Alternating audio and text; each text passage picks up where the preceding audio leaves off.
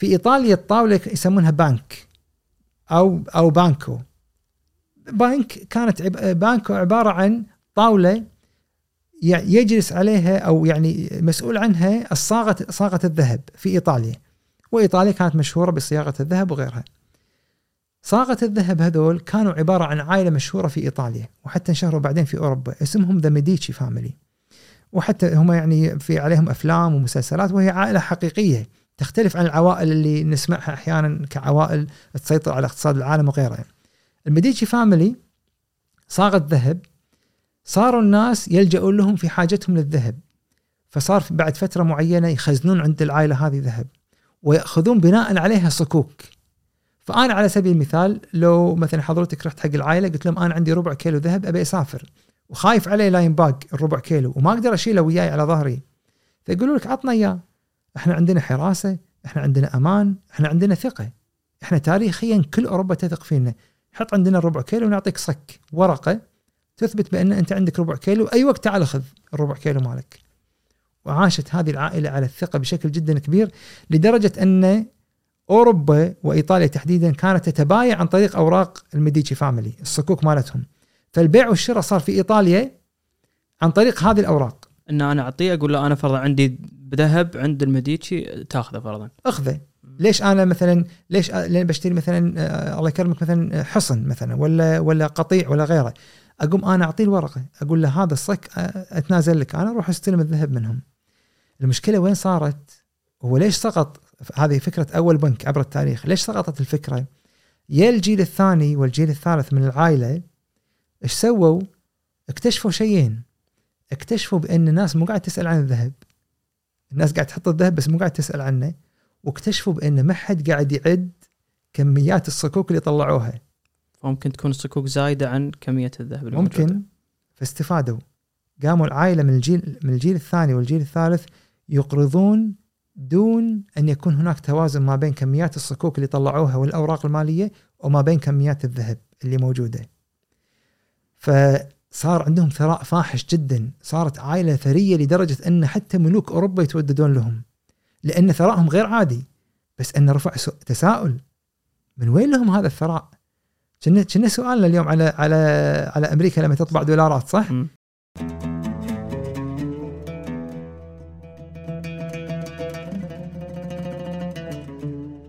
السلام عليكم هذه الحلقة برعاية شركة حسابي أي أحد عنده شوية اطلاع على الأخبار الاقتصادية آه، يدري أن الشكل الاقتصادي ما عاد نفس ما هو قبل خمس إلى عشر سنين. تغييرات كثيرة قاعد تحدث. آه، جائحة كوفيد سرعت من هذه التغييرات. إحنا عندنا نفس التساؤل في بودكاست محفوف. فقررنا اليوم أن نقعد مع الدكتور أسامة الفلاح دكتور اقتصاد في جامعة الخليج. تكلمنا في بداية اللقاء عن تكوين الاقتصاد المدارس الاقتصادية المختلفة. بعد هذا تكلمنا عن أسباب تفوق أمريكا من بعد الحرب العالمية الثانية إلى مؤخرا وشنو أسباب هذا التفوق؟ آه، بعدها تكلمنا عن الندية حاليا اللي صايرة بين أمريكا والصين ومنو يشوف الدكتور قد يتفوق في هذه الحرب الاقتصادية اللي صايرة بينهم. أه تكلمنا أيضا بشكل بسيط عن سبب انهيار الليرة التركية اللي حاصل مؤخرا. وختاما تكلمنا عن أبرز التقنيات اللي ممكن تغير شكل الاقتصاد اللي إحنا نشوفه اليوم. أه نتمنى أن تستمتعون بهذه الحلقة. مساك الله بالخير دكتور. أه مشكور على وقتك على ايتك أه أنا وأنا قاعد أعد حق اللقاء. أه استوعبت أنه قد تكون أول جزئية من اللقاء راح نتكلم عن المدارس الاقتصاديه المختلفه فطرى على بالي بصراحة أه كوت أه ذكرتها من الجامعة يخص أه آدم سميث. آه، بقرأ لك أعتقد ممكن يكون أفضل طريقة نفتتح فيها الحلقة. و إيه يقول في it is not from the benevolence of the butcher the brewer or the baker that we expect our dinner but from their regard to their own interest. حسب فهمي أنا إنه يقصد فيه انه إحنا مو من طيبة الخباز ولا اللحام إن إحنا قاعد نحصل أكلنا ونحطه آه، على الطاولة بس لأنه اهتمامهم لمصالحهم الشخصية. فودي من هني نبلش حلقتنا اليوم نتكلم على فكر آدم سميث آه، شلون آه، ابتدت هذه المدرسة الرأسمالية عن طريقه ورأيك بهذا الكوت؟ حلو. والله آه، آه، افتتاح جدا جميل جدا جميل. أهنيك على التحضير يعني لأن يعني أنا قاعد أقرأ بالتاريخ الاقتصاد آه، يعني بشكل سريع. وطبيعي أي إنسان بيتكلم عن تاريخ الاقتصاد لازم يوقف عند آدم سميث. يقول آدم سميث شنو تكلم؟ شنو قال؟ إلى آخره. فإحنا لما نقول والله آدم سميث ونطلق عليه كلمة أبو الاقتصاد لأنه هو تقريبا أول من وثق وجمع العلوم في كتاب واحد. ولا هو ترى قبله كان في ناس ممكن يكونوا تكلموا عن الاقتصاد بشكل جيد. مثل منو؟ كنت في 2014 آه، قاعد أعطي محاضرة في ال American University في واشنطن DC. وكلمت عن تاريخ الاقتصاد وأن أبو الاقتصاد آدم سميث إلى آخره. فبعد المحاضرة بساعة يا لي إيميل من طالب سعودي كان الحضور كلهم أمريكان طلبه يا لي إيميل كان يقول لي آه، أستاذ آه، أقترح عليك تقرأ المقالة هذه. ولا شنو اسم المقالة؟ اسمها ابن خلدون أبو الاقتصاد. مم. كاتبها دكتور اسمه محمد عويس من جامعة جورج تاون جامعة يم جامعتنا الأمريكان. قريتها ولا عجيب؟ شلون ابن خلدون قبل 400 سنة قبل آدم سميث كتب عن العرض والطلب كتب عن راحة الإنسان وإلى آخره. بس آدم سميث نقدر نعتبره أن أول من جمع العلوم وحطها في مكان واحد. نظمها في في كتابة The Wealth of Nation أو ثروة الأمم. ومن أجمل ما كتب وأكثر الاشياء اللي سببت جدل النقطة اللي تفضلت فيها اللي هي السلف انترست أو الغريزة الإنسانية في حب التملك أو حب المصلحة الشخصية. لكن هني لابد أن نأكد على نقطة وايد مهمة بأن حتى تفسيرات الكلمة أو العبارة هذه تشعبت. وأفضل التفسيرات اللي جت من بعد من الاقتصاديين بعد آدم سميث قالت بأن إحنا لابد أن نحط في عين الاعتبار بأن آدم سميث تكلم بكلام واقعي يؤكد فيه على أن هذا الإنسان لديه بعض الغرائز الطبيعية اللي لو استغليناها بشكل صحيح فإحنا راح نمشي في طريق النمو الاقتصادي. فإحنا لما نقول self interest طبيعي ترى أي إنسان حول العالم ترى هو عنده فعلا self interest ليش نخفي هذه الغريزة؟ وبالفعل إحنا لو نطالع مثلا أن آه، رغبة الإنسان بأن يكون هو عنده حب التملك أو آه، مصلحته الشخصية بحدود أن لا يتجاوز على الآخرين وبحدود أن لا يتجاوز القانون فمعناته إحنا هذا قد يكون أحد أهم السبل للنهضة الاقتصادية والإبداع. فأنا بطبيعة الحال أبي مثلا أبي أسوي أحسن خبز إذا كنت خباز في المنطقة. مو حبا في المشتري يعني معذرة على الكلمة بس حبا في نفسي لأني أبي يرجع لي فأنا راح أطلع أحسن جودة والخباز اللي يمي راح يسوي أحسن جودة علشان نتنافس وهذا ينطبق على كل القطاعات فكل قطاع يسوي أحسن جودة لمصلحته الشخصية فينمو كل المجتمع. فاحنا عندنا آدم سميث يعني تكلم بثلاث نظريات وايد سببت ضجه. هذه أهم نظرية تقريبا أو من أهم النظريات. نظرية ثانية تكلم عنها بعد هم نظرية حلوة سماها اليد الخفية. مم. نظرية اليد الخفية هم عجيبة يعني في طريقة يعني عرضها. قال بأن في كل مجتمع أو كل اقتصاد هناك يد خفية ستصحح ما تم من أخطاء أو ستقود المجتمع للتصحيح. فهو يدفع المجتمع إلى شنو؟ يدفع المجتمع إلى أن يكون هناك free market أو سوق حر وأن يكون هناك تنافس يبقي الصالح ولا يستطيع أن يبقى غير ذلك. م. هذا إحنا نسميه اليد الخفية أو the invisible hand. والنقطة الثالثة يتكلم عنها آدم سميث يعني جديرة بالاعتبار أن نتكلم عنها تكلم عن خط الإنتاج. خط الإنتاج ترى تكلم عنه من زمان في كتابه 1776 يعني آه، وما طبق الا إلا لاحقا يعني في في الثورة الصناعية خط الإنتاج شنو؟ بأن كل إنسان يتخصص في عمل شيء معين. ليش أنا أجيب لي عامل يسوي أربع شغلات مع بعض؟ لا أخلي عامل يركز على شيء واحد. طبقها منو؟ طبقها فورد لاحقا. قال أنا أخلي العامل يسوي بس التاير. ليش أخلي يسوي التاير والماكينة والجامة وكذا؟ لا بس التاير ما عنده من يداوم لما يمشي بس عليه انه يسوي التاير. فتلاقي جودتها تصير عالية، سرعتها تصير عالية، وكفاءة الإنتاج تصير عالية. فآدم سميث وإن كان قديم في طرحه إلا انه بنى بنيان جدا قوي أسس للفكر الرأسمالي اللي أتى لاحقا. بس النقطة الأخيرة دكتور يعني طلع على بالي Apple يعني Apple اليوم تفتح ال iPhone أعتقد آه، كم وصل مرحلة تجميع و software بس صح؟ يعني ال chip من مكان الكاميرا من مكان صح. آه يعني هذا موجود حتى ينطبق علينا اليوم يعني. بالضبط. فاحنا قاعد نشوفها على مستوى أكبر Apple يعني إحنا لما ناخذ مثال فورد كانت سيارات جدا بسيطة يعني. بس الحين Apple فعلا يقول أنا ليش أسوي كل شيء؟ و by the way بعد آدم سميث بفترة قصيرة ب 1815 يا واحد اسمه ديفيد ريكاردو. حلو إنك ذكرت النقطة هذه. ديفيد ريكاردو هو كان إنسان سياسي آه، بريطاني. تكلم كلام حلو. شنو قال؟ آه، سوى نظرية أو تكلم عن نظرية سماها الميزة النسبية. شنو فكرة الميزة النسبية؟ يقول ليش ما كل أطراف التبايع وكل أطراف التجارة كل واحد يبدع في المجال اللي يتقنه وبعدين يتبادلون. في هذه الحالة راح يستفيد الطرفين. هذا comparative advantage comparative advantage قاعد تردني 2011 حق الجامعة ها؟ class macro macro أخذ عندي 101 مادة اختيارية. مراجعة قاعد تصير. إيه. ف يعني فعلا كان ال comparative advantage اللي اللي تكلم عنها ديفيد ريكاردو آه، قاعد تسوي يعني فكرة جدا كبيرة ويعني اليوم نطبقها. إحنا نقدر نفكر فيها اليوم. العلاقات الصينية الأمريكية. يفترض أنها تكون أقرب لفكرة ديفيد ريكاردو آه، لأنها يفترض أن كل طرف يركز على ما يبدع فيه. أنا أعطيك مثال. الحين لو أنت مثلا مبدع في الإعداد ومبدع في المونتاج. وأحسن من فريق ال- ال- البرنامج كله. بس أنت ما عندك إلا 24 ساعة في حياتك. فمن الأفضل لك ومن الأفضل للفريق ومن الأفضل للبرنامج بأنك تركز على أعلى شيء تقدر عليه. فأنت أفضل شيء في الإعداد والتقديم وتعطي المهمة الثانية حق الطرف الآخر. بهذه الحالة أنت راح تستفيد والطرف الآخر راح يستفيد والبرنامج راح يستفيد. فنظرية وإن كانت قديمة لكنها تطبيقيا جدا جميلة.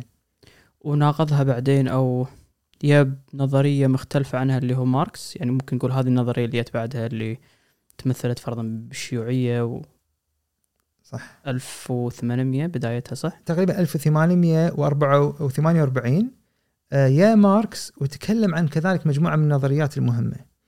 من هذه النظريات تكلم يعني يعني طبعا ماركس لما يا آه، يقال بان كان مجموعة من كتاباته عبارة عن ردود أفعال على ال- الرأسمالية. م. وهو بالمناسبة يقال أنه هو من سمى الرأسمالية بالرأسمالية.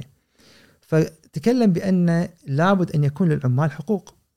وكيف يمكن أن تكون لهم حقوق إلا بأنهم يأخذون هذه الحقوق ويطالبون فيها بشكل مباشر. فهو تقريبا ماركس من أول الناس اللي أكد على العلاقة آه، وعدالة العلاقة ما بين الملاك ملاك الشركات والعمال نفسهم. وطالب في في نقطة ثانية طالب فيها قال لابد أن يكون مصادر الإنتاج في أي دولة وفي أي اقتصاد لا تملك إلا للدولة نفسها. مم. فهو يبي يبي يحمي العمال يقول أنا شلون أحميكم إلا أني أخلي مصادر الإنتاج في يد طرف محايد وليس في يد من سماهم البرجوازيين أو الطبقة البرجوازية أو الطبقة الثريه أو ال- ال- ال- المالكة لل- لكثير من ال- المصانع. فقال خلاص خطوط الإنتاج أو يعني مصادر الإنتاج تكون مملوكة بالكامل لطرف محايد وهو الحكومة، والحكومة هي توزع وتكون عد فيها يعني جزء من العداله كبيرة في تعاملها مع الأطراف بشكل عام. بس في دول اليوم نقول قادرة قاعدة يعني آدم سميث نسبيا دول متقدمة نوعا ما قاعد تطبق أو قاعد تطبق يعني أغلب ما تطبقه يرجع حق اللي اللي كتبه. آدم سميث عفوا ماركس اليوم في أحد قاعد يقتدي بهذا المثال ال- الفرق ما بين أتوقع الفرق الرئيسي ما بين فكر آدم سميث وما بين فكر فكر كارل ماركس إن آدم سميث كان إلى حد كبير واقعي. آه، ماركس كان في مثالية جدا كبيرة في إطروحاته. يعني مثلا آه، العدالة في توزيع ال- ال- الثروة ما بين الناس، ال- حقوق العمال إلى آخره. إلى حد كبير كان في يعني آه، مثالية في الطرح. ولذلك لم تواجه أو لم يعني يتم تبنيها بشكل جدا كبير أو حتى الأطراف اللي تبنتها يمكن ما حققت نجاحات جدا كبيرة. بس بالمناسبة يقال بأن كتابات ماركس اللي صارت في أربعينيات القرن التاسع عشر كان لها أثر جدا كبير على آه، الثورة ال- اللي صارت في آه، روسيا في 1913 تقريبا لأن هي كانت مبنية على فكر حقوق العمال وأن هناك طبقة آه، يعني لم تحصل على حقوقها يجب أن تحصل على حقوقها. بعدها انولد الاتحاد السوفيتي يعني بعدها بعد انولد 13. الاتحاد السوفيتي في آه، الثورة البلشفية في 1917 وطبعا وخلينا نقول يعني الاتحاد السوفيتي بني على هذا الفكر و... وتم إلى يعني آه، إلى نهايته. وهذه النماذج سقطت صح؟ يعني الاتحاد السوفيتي الصين القديمة نوعا ما ما عادت موجود يعني كل يعني الاتحاد السوفيتي سقط. الصين اليوم أهم هذا يمكن سؤال أنا جايك فيه إنه غريبة. يعني ما ما أدري وين وين يعني اقتصاديا تحسها راسماليه بعدين يمكن في قوانين ثانية لا تحسها مو مو يعني للحين فرضا نسمع إن الحكومة هي تحدد حق الشركات الكبرى إن أنت لك هذه المناقصة أنتم تطلعون هني أنتم تطلعون هني. ما أدري هل الكلام صحيح بس نقدر نحطها بقالب معين؟ نقدر نقول بأن يعني تطبيق الفكر الاشتراكي أو الشيوعي. على أرض الواقع ما لقى حاصل كبير في الاتحاد السوفيتي. يعني إحنا لما نقول أن كارل ماركس تكلم عن حقوق العمال وحقوق الطبقة الكادحة السؤال هل الطبقة الكادحة حصلت على حقوقها وعدالة التوزيع بشكل جيد في الاتحاد السوفيتي؟ هذا سؤال جدا كبير. أغلب القراءات وأغلب الدراسات تقول غير ذلك. نيجي على الصين مثلا. الصين اليوم قاعد نشوفها تنتقل انتقال جدا سريع من الفكر الاشتراكي البحت إلى جانب أقرب للرأسمالية فالانفتاح التجاري وطريقة آه، دخول الشركات وطريقة المنافسة داخل السوق آه، الصيني تجعلها يعني متجهة بشكل أسرع للفكر الرأسمالي.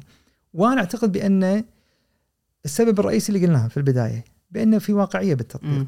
في واقعية بالتطبيق والمنافسة إلى حد كبير تخلق جزء أساسي من الإبداع. فأنت لما تحط أطراف متنافسة في سوق في قدر جيد من العدالة تحاول تزيد كفاءة العدالة في هذا المكان في الغالب راح تلاقي إبداع وراح تلاقي انطلاقة اقتصادية جدا كبيرة في النمو. بس آه، تصدق دكتور وأنت تسولف تردني حق آه، ما أدري أي سنة أعتقد 2014 2013 ما إيش كانوا يسمونه اللي كان وول ستريت اللي كانوا ينامون بالشارع تذكرهم؟ آه، أذكر أنا حزتها كنت بامريكا. اي المهم ان أذكر بوول ستريت حطوا خيام وناموا وحتى إحنا عندنا في فيلادلفيا حوالين City Hall حطوا خيام. بس كانت فكرتهم إنه إحنا ضد الرأسمالية. تذكر أيام ال1% تذكر؟ okay. إن الثروة كلها موجودة عند ال1% وهم يتحكمون. فإذا أمريكا هي المثال اللي يقتدى فيها بالرأسمالية واليوم إحنا نشوف يمكن من الداخل في هذا الكلام إنه في واحد الثروه موجودة أغلبها عند 1% فهذا ما يبعث الشك بهذا النظام إنه قد تكون في أخطاء قد يعني ما يكون نظام صحيح مثل ما إحنا نعتقد إنه ما, ما يعني مو صحيح كما إحنا نرى هو ترى ما في ما في نموذج مثالي. يعني حتى في أمريكا ما نقدر نقول بانها النموذج الفريد اللي اللي خلينا نقول يمكن أن يكون قدوة في كل توجهاته. أكثر ما تواجه اليوم أمريكا من تحديات وأكبر خلل في النظام الاقتصادي عندها هو عدالة توزيع الثروة. اليوم إحنا قاعد نشوف بأن أغلب الأحداث اللي قاعد تصير حتى في كورونا نفسها ركزت الثروة في الطبقة الثرية نفسها. فإحنا عندنا مشكلة جدا كبيرة. عندنا الأعلى 1% من آه، الأثرياء في أمريكا. يمتلكون تقريبا 50% آه، من ثروة أمريكا كلها. وهذا رقم جدا كبير. وكورونا آه، يعني زادت هذا الشيء بشكل جدا كبير.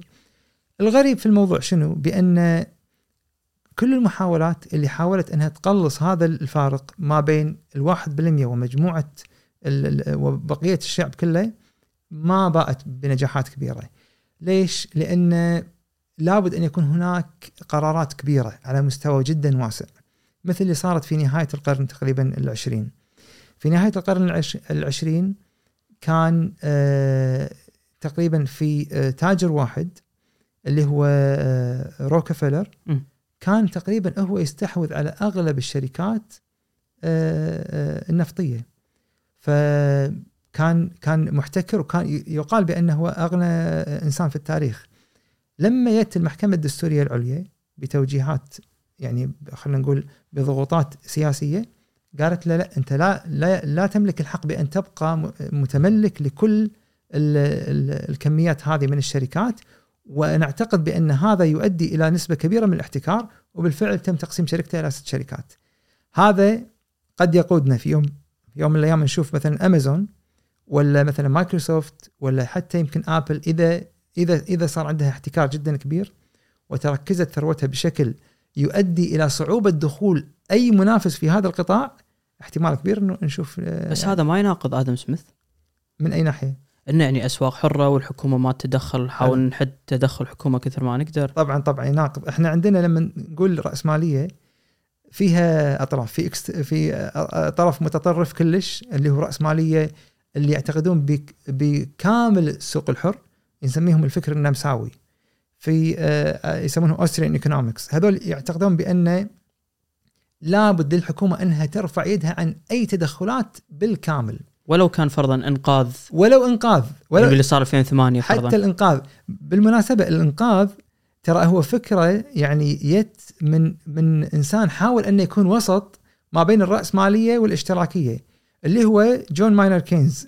جون كينز هو الوزير بر- بريطانيا وزير مالية. هو كان آه ما أدري إذا كان وزير مالية بس هو تقريبا كان مفوض من الحكومة البريطانية في مجموعة من الأحداث حول العالم. فهو كان يعني كان يعتبر أحد ال- الرموز ال- المشهورة في بريطانيا اللي صنعت ثورة جدا كبيرة في عالم الاقتصاد. لما كتب كتابه ال- ال- النظرية العامة تكلم عن التدخلات الحكومية. متى كتب كتابه؟ 1934 مم. بعد آه، اللي هو الكساد الكبير. اللي هو ال Great Depression تكلم عن التدخلات الحكومية. يقال بأن كتابه النظرية العامة ساهم في إنقاذ أمريكا من ثلاث أزمات كانت ممكن أنها تسقطها. أوف. من ضمنها 2008 2008 تدخل حكومي جدا واضح لإنقاذ الشركات الكبرى. زين أنا ليش أنقذ شركات كبرى؟ وأنا أساسا عندي يعني هم ال- الجزء الأساسي من المشكلة يعني. هم اللي دخلوا في دوامة الديون هم اللي دخلوا في دوامة المخاطر إلى آخره. ليش؟ لأن إنقاذ الشركات الكبرى كانت ستنقذ الشركات الصغرى وكانت ستنقذ كثير من الوظائف اللي بعدها. فجون ماينرد كينز هو الإنسان خلينا نقول المتوسط ما بين التطرف الرأسمالي والتطرف الاشتراكي. الغريب بالموضوع بأن في جامعة في آه، كانت حولنا في دي سي آه، آه، مقرها في فيرجينيا اسمها جورج ميسون مم. جورج ميسون تعتبر من الجامعات اللي تأيد الفكر ال- ال- يعني ال Austrian economics أو ال- ال- الفكر ال- المدرسة النمساوية فكان يقول للبعض يقول ترى إحنا عندنا كينز نكت عليه بالكلاس لأن إحنا عندنا لا لا تتدخل الحكومة اطلاقا في أي تصرف يحدث داخل الاقتصاد لانها لأنها بدت بتدخلها راح تسبب مشكلة أكبر داخل الاقتصاد. طبعا هذه تبقى نظرية بالنهاية يعني. أنا بالنسبة لي أشوف أن هناك نقطة توازن وهناك نقطة من الأفضل للحكومات أن تكون متواجدة لإنقاذ ما يمكن إنقاذه. طرى على بالي شغلة دكتور. أه مو بعيدة عن اللي تكلمنا عنه يعني تحمل نفس الفكر بس على على مستوى محلي أكثر.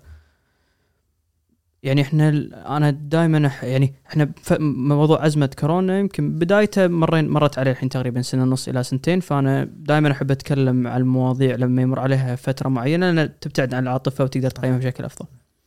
إذا تذكر نقطة الخلاف اللي صارت إن يوم كانت تبي تدخل الحكومة بمساعدة ودعم المشاريع الصغيره.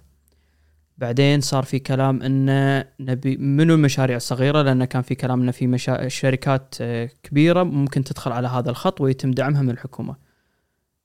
أكثر الناس استنكرت هذا الشيء ولكن في ناس دافعت عنه وقالت لأن الشركات الكبيرة هي اللي تخلق الفرص وإذا طاحت الشركات الكبيرة راح تطيح الصغيره بعد.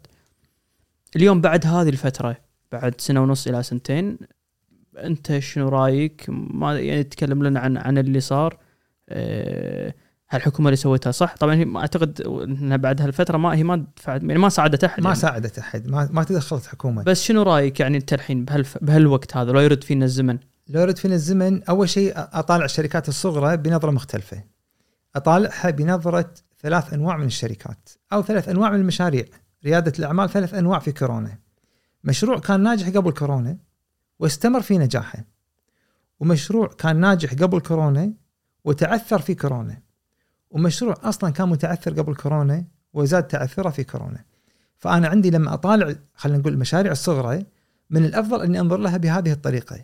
وأعرف أتصرف مع كل طرف بناء على الحدث اللي هو فيه فأنا والله مثلا إذا شركة ما شاء الله يعني آه، استفادت من كورونا بعضهم والله أغذية ما أغذية أغذية وفي ناس ما شاء الله تبنت الدليفري بشكل جدا صح. جيد كنت عند صديق عنده قهوة قبل أسبوع.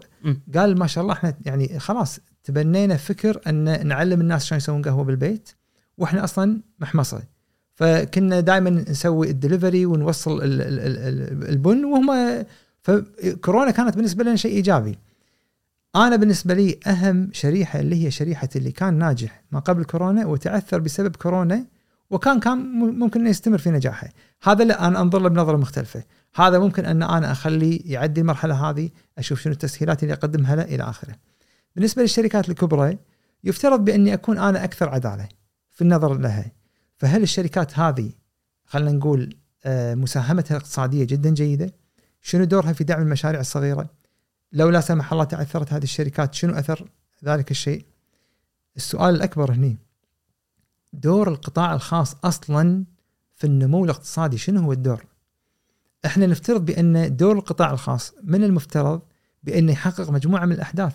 على رأسها التوظيف الجيد للمواطن وعلى رأسها كذلك دفع الضريبة وإعادة جزء من الفضل للدولة لأن الدولة ترى تقدم وايد تسهيلات للقطاع الخاص خصوصا خصوصا الشركات الكبرى. فإحنا نسأل نقول والله ما أين يعني يكمن إعادة الفضل للدولة من من هذا الباب؟ فأنا بناء على هذه الأحداث أقول والله منو أدعم منو أساعد منو فعلا كان هو واقف وياي في أثناء النمو الاقتصادي وتوفير فرص وظيفية حتى أنا اكون داعم له وأوقف وياه في الأزمة. بس على نفس النقطة دكتور إحنا اليوم كقطاع خاص ما أدري بصراحة يعني أنا دائما شوف هم هم هم نقطة زينة ها، يعني بي بيك فيها يعني أنا دائما عندي ما أقول عتب لأن أنا ما سألت أحد وما حصلت الرد فيمكن ممكن أحد يوضح لي بعدين بس كونك انت شخص أكاديمي ويعني تدرس بجامعه الخليج يمكن أنا بطرح عليك هذا التساؤل. نفس التساؤل آه، يمكن يقع على- جامعة الكويت.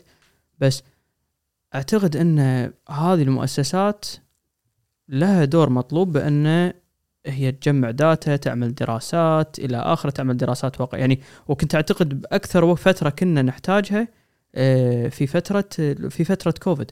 يعني ليش اجيك بهالسؤال أنا؟ لأن أنا أبي أعرف أبي أحد يقدم لي دراسة مؤسسة أكاديمية محايدة. أنا أثق بالناس اللي قاعد يعملون هذا البحث. وتيجي تقول لي بالفعل هذه الشركات الكبيرة هل تستحق الدعم؟ هل هي قاعدة تدفع ض- طبعا ضرائب ما قاعد يدفعون. بس على الأقل أنا بيها آه، بتوظيف الكويتيين. صح. زين؟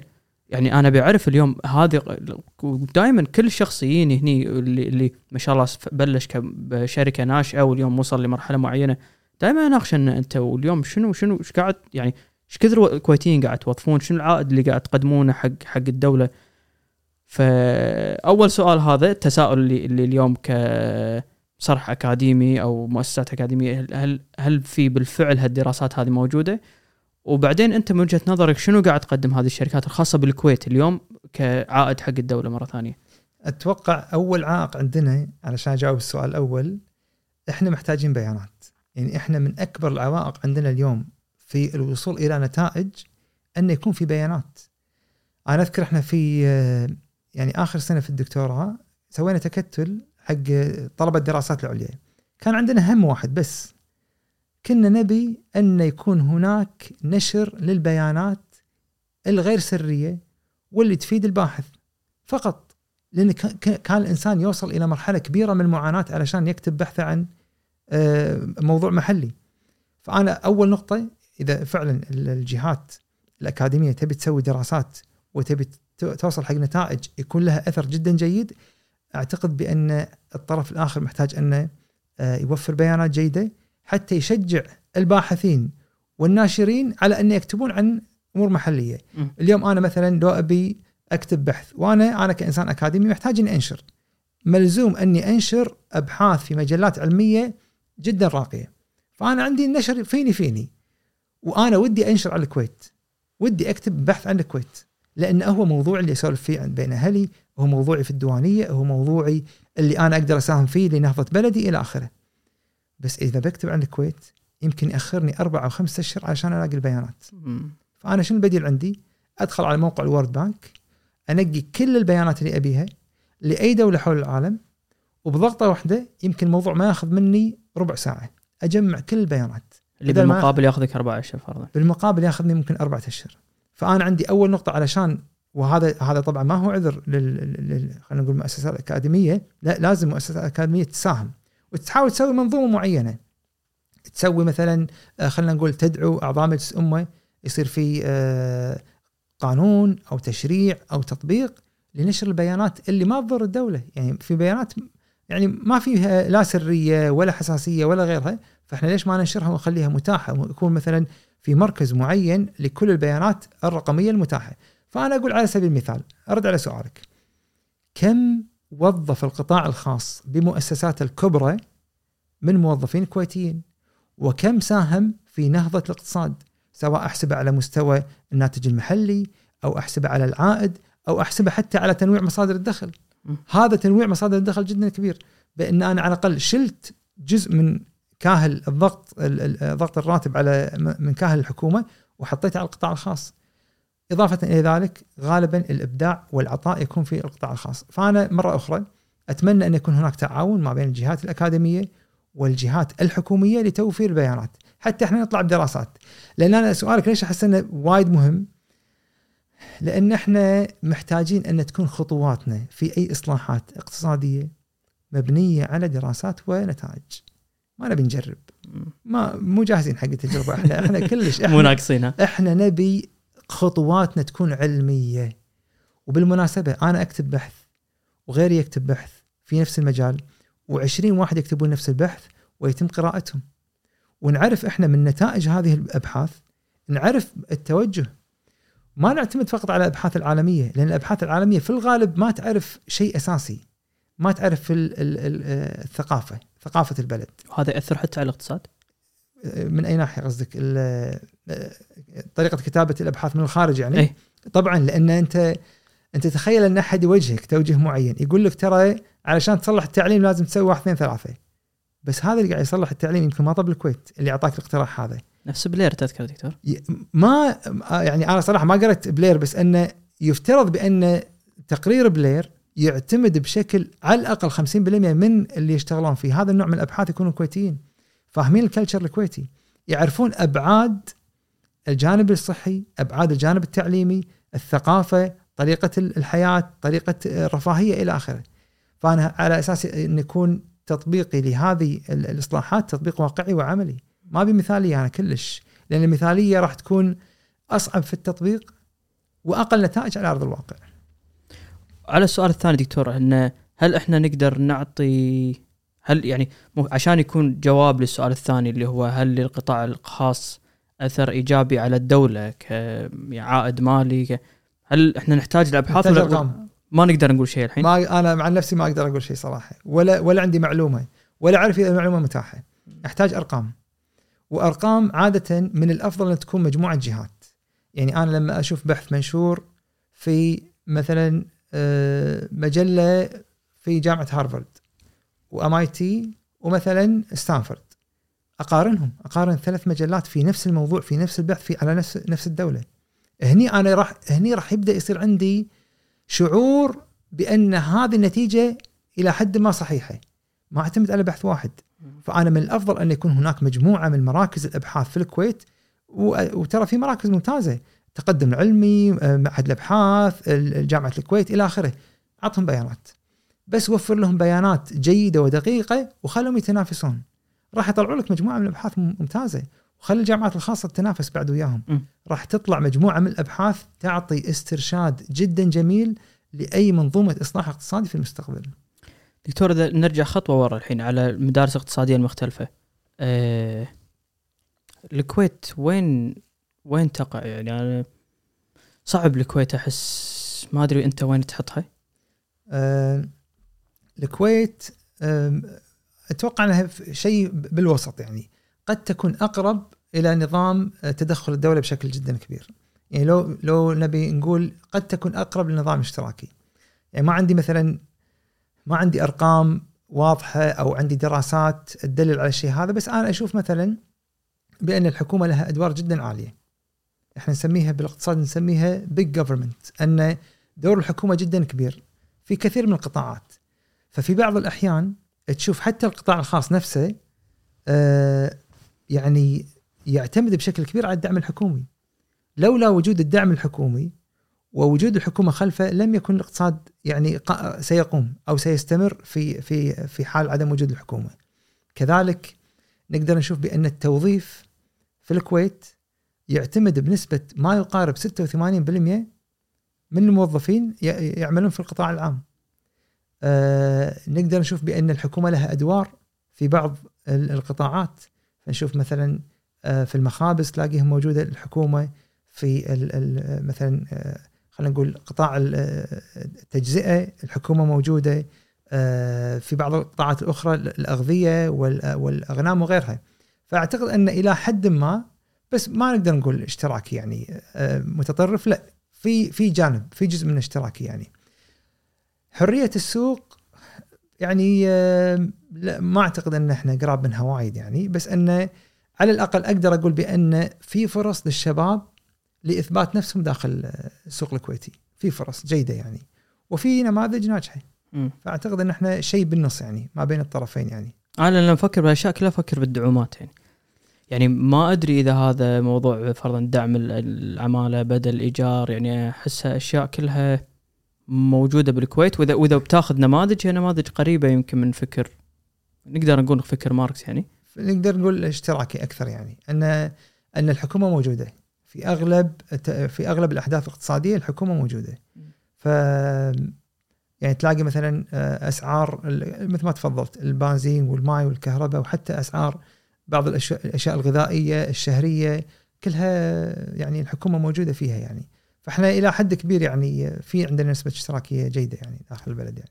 بس دكتور هو هل هي جاية من منطلق فك يعني إحنا فرضا اللي أسسوا البلد كانوا يؤمنون بهذا الف... يعني أنا ما قاعد أحاول أتذكر إذا فرضا القومية لها علاقة ويمكن كانت فترة آه، نشوتها أيام آه، كتابة الدستور ولا لأن حكومة الكويت تملك ما تملك من المال من مصدر النفط فكان من المنطقي إن هي تخوض أو تدش تاخذ هذا هذا الدرب هذا إن أنا ادعم واعطي و... هو يمكن طبيعة التركيبة الاقتصادية. وإحنا يعني بفضل من رب العالمين وجود النفط ودخوله بقوة في تقريبا مرحلة الخمسينات والستينات أدى إلى نهضة اقتصادية جدا كبيرة. الحكومة دخ- دخلت في ما بعدها بالتزامات يعني دخلت في التزامات معينة واستمرت في هذه الالتزامات. الخروج من هذه الالتز- الالتزامات غالبا راح يكون مكلف مكلف بشكل جدا كبير. وراح يحتاج خطة يعني آه، يعني خلينا نقول فيها نوع من من من التغير ال- ال- يعني الشديد يعني. يعني لو لو إحنا افترضنا مثلا بأن بأن معجبين بالنموذج النرويجي مثلا. نقول والله إحنا ما نبي نكون نموذج يعني ريعي نبي نكون نموذج نرويجي. عندنا ثروة نفطية لكن ما نبي نستخدمها. الانتقال يعني بطريقة نظرية وايد سهل. بس عملية وايد صعب. إحنا خلاص تعودنا على هذا النظام. ما نقدر ما نقدر يكون عندنا 40% ضريبة دخل. وايد صعب علينا. ولا نقدر نشيل الدعومات. ولا نقدر نفاجئ الناس. وقبل هذا كله ما أقدر أنا أتخذ أي خطوة في الإصلاح إلا إلا إني أنا أسكر أبواب الفساد.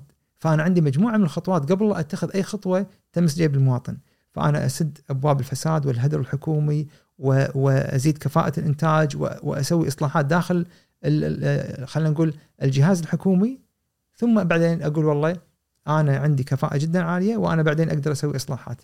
اقلل ما مثلا آه، إذا أبي دعومات أو أو أسوي تغييرات آه، إصلاحية إلى آخره. بس أن آه، يوم وليلة تشيلهم قصدك؟ صعب صعب جدا جدا. بس هو شنو انعكاساته عفوا دكتور يعني مرة ثانية هم بعيد عن العاطفة. يعني أنا أحس إحنا بالكويت شوية يعني في حساسية من هالمواضيع. بس خلينا نقول فرضا الدولة تقدم نفس الخدمات اللي تقدمها الكويت. يعني نتكلم بشكل موضوعي. يعني أنا أتكلم فرضا عن بدل الايجار دعم العمالة. هذه الأشياء لما أنا أجي فرضا باكر أقر إن أنا برفع دعم ال- الإيجار م- 100 إلى 150 دينار. بالنظره اقتصادية شنو أثرها يعني؟ هل هي بالفعل تفيد المواطن ولا ش ش ش من نظرة شمولية أكثر؟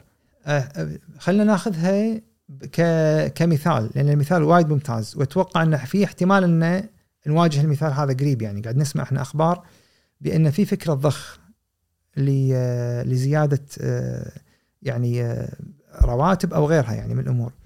فأنا أعتقد بأن هذا النوع من من التغيرات في الغالب يؤثر بطريقتين سلبيتين.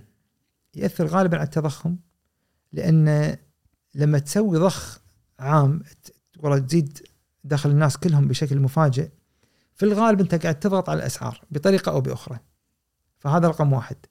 رقم اثنين آه سيتضرر الإنسان اللي أصلا كان يعتاش على يعني آه على الكفاف. لأن أنت بزيادة الأسعار هو ما راح يقدر يتعايش مع الوضع هذا حتى مع الزيادة الأساسية. فالأفضل من هذا أنا لما أقول والله أبي أرفع مثلا خلينا نفترض أبي أوزع مكافأة على على الشعب. مم. مثلا. خلينا ناخذها مثال دكتور هذه المكافأة اللي يعني مرة ثانية بدون عاطفة مو يستحقون ما إيه. يستحقون بس انعكاس اقتصاديا شنو شنو راح يصير فرضا؟ أنا أعتقد بأن انعكاس المكافآت سيكون يعني أثره يعني آه، سلبي على التضخم. يعني راح يأثر على التضخم قد يزيد الأسعار بطريقة آه، ما نقدر بعدين ننزل فيها الأسعار. هذا رقم واحد. رقم اثنين قد يدخلنا في دوامة بأن آه، لا تستطيع الحكومة أن توزع أرباح سنوية مثلا. لأن إحنا إحنا بالنهاية لو اعتدنا على هذا هذا التنو يعني هذه الأرباح والضخ الحكومي قد يكون جزء من منظومتنا الاجتماعية، قد يكون جزء من منظومتنا المالية ونتعود عليها، وهذا أعتقد بانه لن يكون شيء إيجابي. وصح نظرة اقتصادية كنا قاعد توزع أرباح صح؟ بالضبط أنا أول شيء ما فهمته بعدين الأفضل. منها الأفضل منها تدري شنو؟ الأفضل منها إني أنا أحطها في مشاريع رأسمالية. أنا اردها للشعب، نعم أنا أبي أفيد الشعب وليس ضد أي مشروع في فائده يعني للشعب ولكن أني أفيد الشعب في هذا الجيل والأجيال القادمة. مم. حتى لا أظلم أي جيل. فأنا أحط مشاريع رأسمالية. مشروع رأسمالي يوفر لي فرص وظيفية. أنا فت فت الشعب ولا ما فته؟ فته. مشروع رأسمالي يوفر لي فرص استثمارية بأن تدخل لي أموال من الخارج. أنا لو زدت مثلا الضخ الحكومي هذا 3 مليار مثلا لو كانت 3 مليار لو حطيتها في مشروع في زيادة عدد الشركات البتروكيماوية اللي تخليني ما أبيع برميل النفط ك ك كبرميل آه، يعني آه، آه، مادة أولية أبيعه كمنتج نهائي. هذا إيش كثر يوفر لي فرص وظيفية و و واستثمارات خارجية ويخليني جهة أساسية في المنافسة العالمية.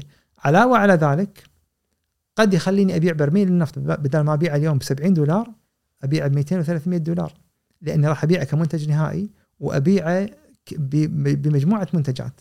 فأنا أعتقد بأن فكرة الضخ جيدة من الجانب الراسمالي يعني لما نضخ كمشاريع نبي نحطها كمشاريع. خل خلي المواطن يشوف مشروع حقيقي. يشوف مثلا مستشفى جديد يشوف مشروع مثلا تعليمي يشوف مشروع صناعي. هني أنا أقول لك والله هذا الضخ الصح. بس أن التوزيعات راح تكون أثرها إيجابي بس بالفترة القصيرة يمكن يستانس فيها الواحد بشكل سريع وبعدين راح يشوف أثرها على المدى الطويل عليه هو وحتى على الأجيال القادمة في جانب التضخم. طرقنا حق النفط دكتور أه أعتقد آخر ثلاث سنين كان وضع يعني يوم كم وصل تذكر قصة الدكتور ال- يوم وصل مرة البرميل بس بس بالسالب أه إيه. كنا في بداية فترة كورونا يعني. صح. لين نشوف نشوف اليوم وصل لأسعار نوعا ما منطقية تناسب احتياجات الدولة. قراءتك أنت هل هذا الوضع اللي إحنا فيه وضع ممكن يستمر لفترة طويلة؟ وين صار شنو شنو اللي تشوفه أنت؟ إذا سمحت لي أبي أجاوب بطريقة شوي مختلفة. إيه، يعني إحنا ما ودي نكون أسرى لتذبذبات أسعار النفط. ودي أن هذا البلد بعقوله الجميله وأنا اكلمك كإنسان أكاديمي قاعد أشوف العقول داخل الفصل الدراسي. الناس ترى جاهزة للعطاء. الناس عندها قدرة للإبداع. بس تبي بيئة. عطها بيئة وعطها أدوات. علمه شنو الأدوات اللي ممكن يبدع فيها وراح ينوع لك مصادر الدخل. راح يخليك تستغني عن هذا ال- ال- المصدر على المدى الطويل. ما أقول لك إن الشيء راح يصير بيوم وليلة بس إن على الأقل أبدأ بالاستثمار البشري فإحنا لما أرد على سؤالك الحين لما أتكلم عن تذبذبات أسعار النفط أغلب الدراسات العالمية ومنها دراسة ال IMF إذا مرت عليك 2020 سوت ضجة. صارت آه، عناوين آه، صحف محلية بأن ثروات الدول الخليج ستنتهي بحلول 2034 إلى آخره. أنا ليش أبقى اسير ل- لهذه لهذا النوع من ال- التقارير وهذا النوع من من الموارد الطبيعية؟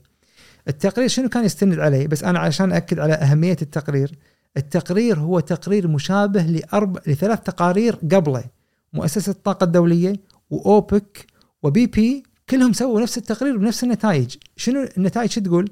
تقول بأن أعلى طلب للنفط سيكون في عام 2041 يعني يقول بعد آه، يعني سنوات قصيرة يعني في 2041 آه، بناء على شنو؟ بناء على شغلتين قاعد يصيرون حول العالم لازم ننتبه لهم. أول شيء العرض قاعد يزيد.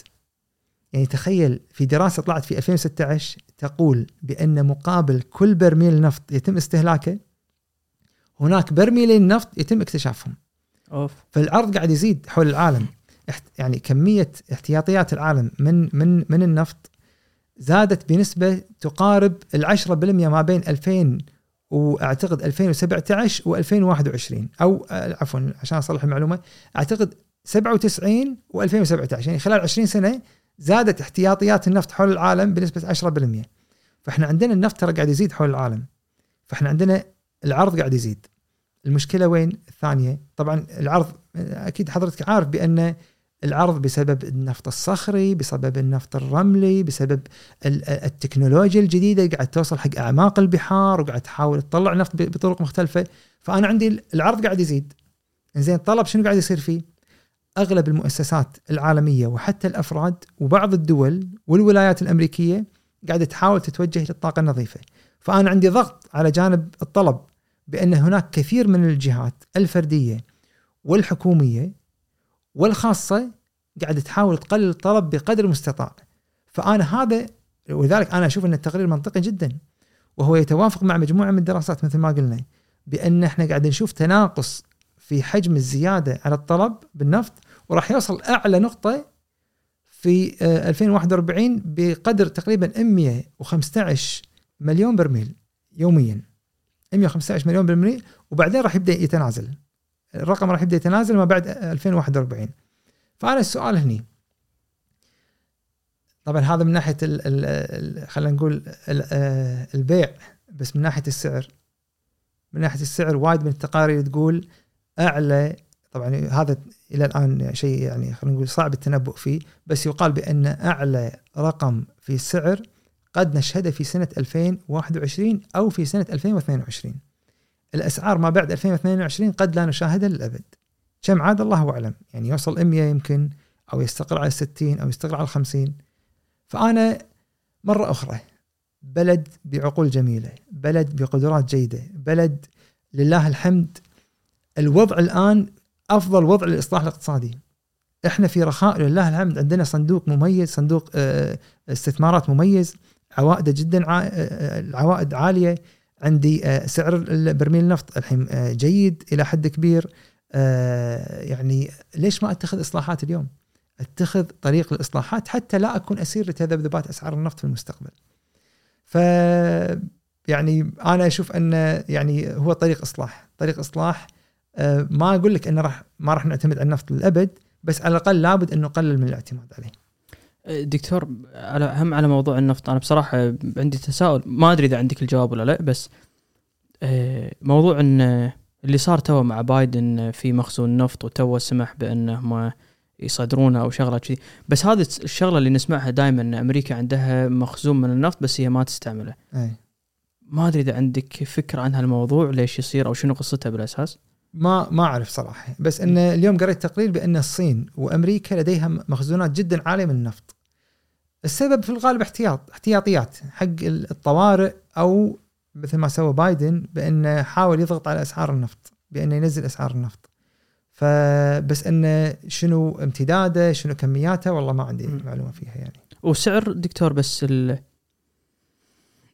لأن أنا بعدين أبي أتطرق حق موضوع اللي هو هيمنة أمريكا واللي قاعد يصير بينها بين الصين. بس أعتقد نقطة جدا مهمة اللي آه، يعني لازم نتكلم عنها دائما إحنا بموضوع النفط اللي هو فرضا بيع النفط بالدولار.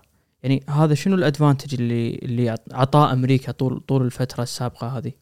زين هذا يعني هذا طبعا حدث تاريخي جدا مهم. ونقدر نقول إحنا بأن قد يكون هذا أحد أهم الأحداث التاريخية اللي مرت على العالم في ال 100 سنة اللي فاتت. أساس هذا الحدث أساسا من وين يا من نهاية الحرب العالمية الثانية.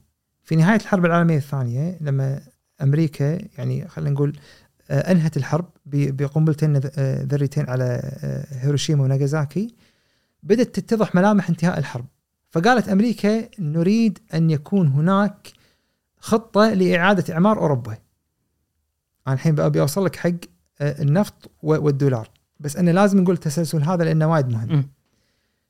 فقالت أمريكا دعت 44 دولة في ولاية نيو هامشير في في منطقة اسمها بريتون وودز. ويعتبر من أشهر المؤتمرات التاريخية اللي لازم الكل يقرأ عنها. مؤتمر بريتون وودز صار في 1944 بحضور 44 دولة. من ضمنها الاتحاد السوفيتي. شنو صار في هذا المؤتمر؟ قالوا إنه نريد إعادة أعمار أوروبا. من خلال هذا الإعمار نريد أن تتحسن الأوضاع لأن الحرب كانت يعني مركز الحرب كان في أوروبا. فقالوا يعني راح ننشئ منظمتين.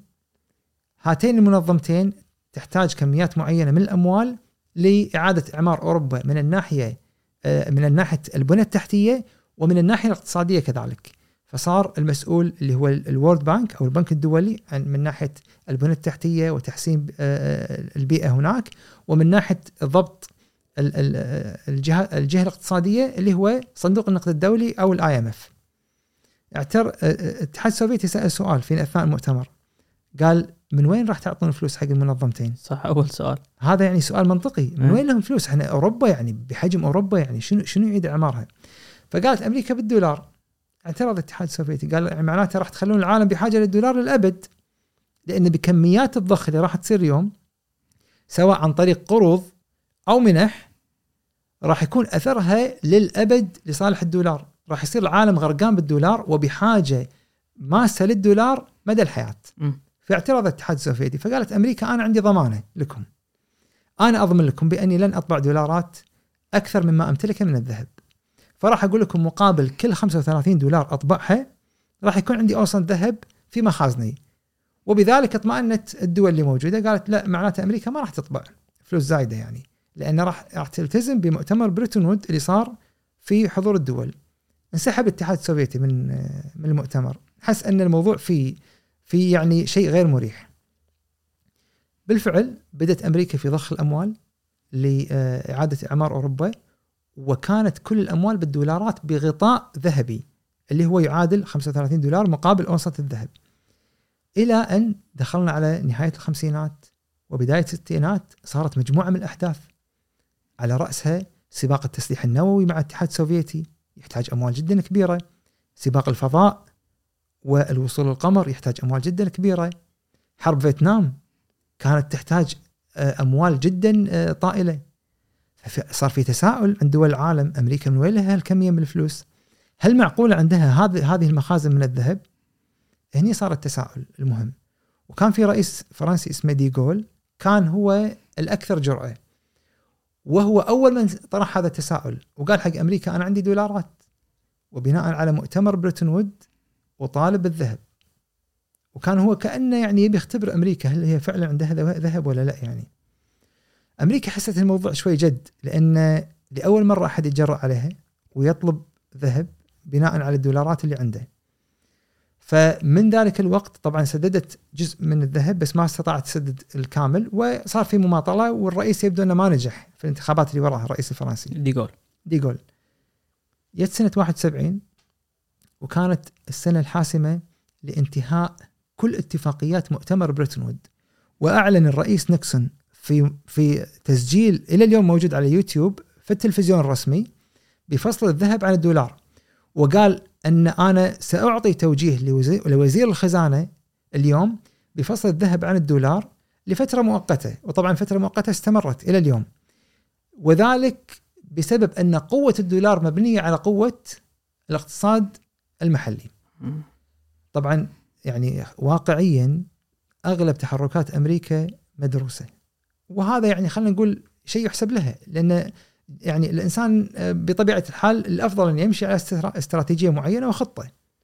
فصل الذهب عن الدولار كان يعني آه، خلينا نقول سيكون له أثر سلبي على المدى الطويل.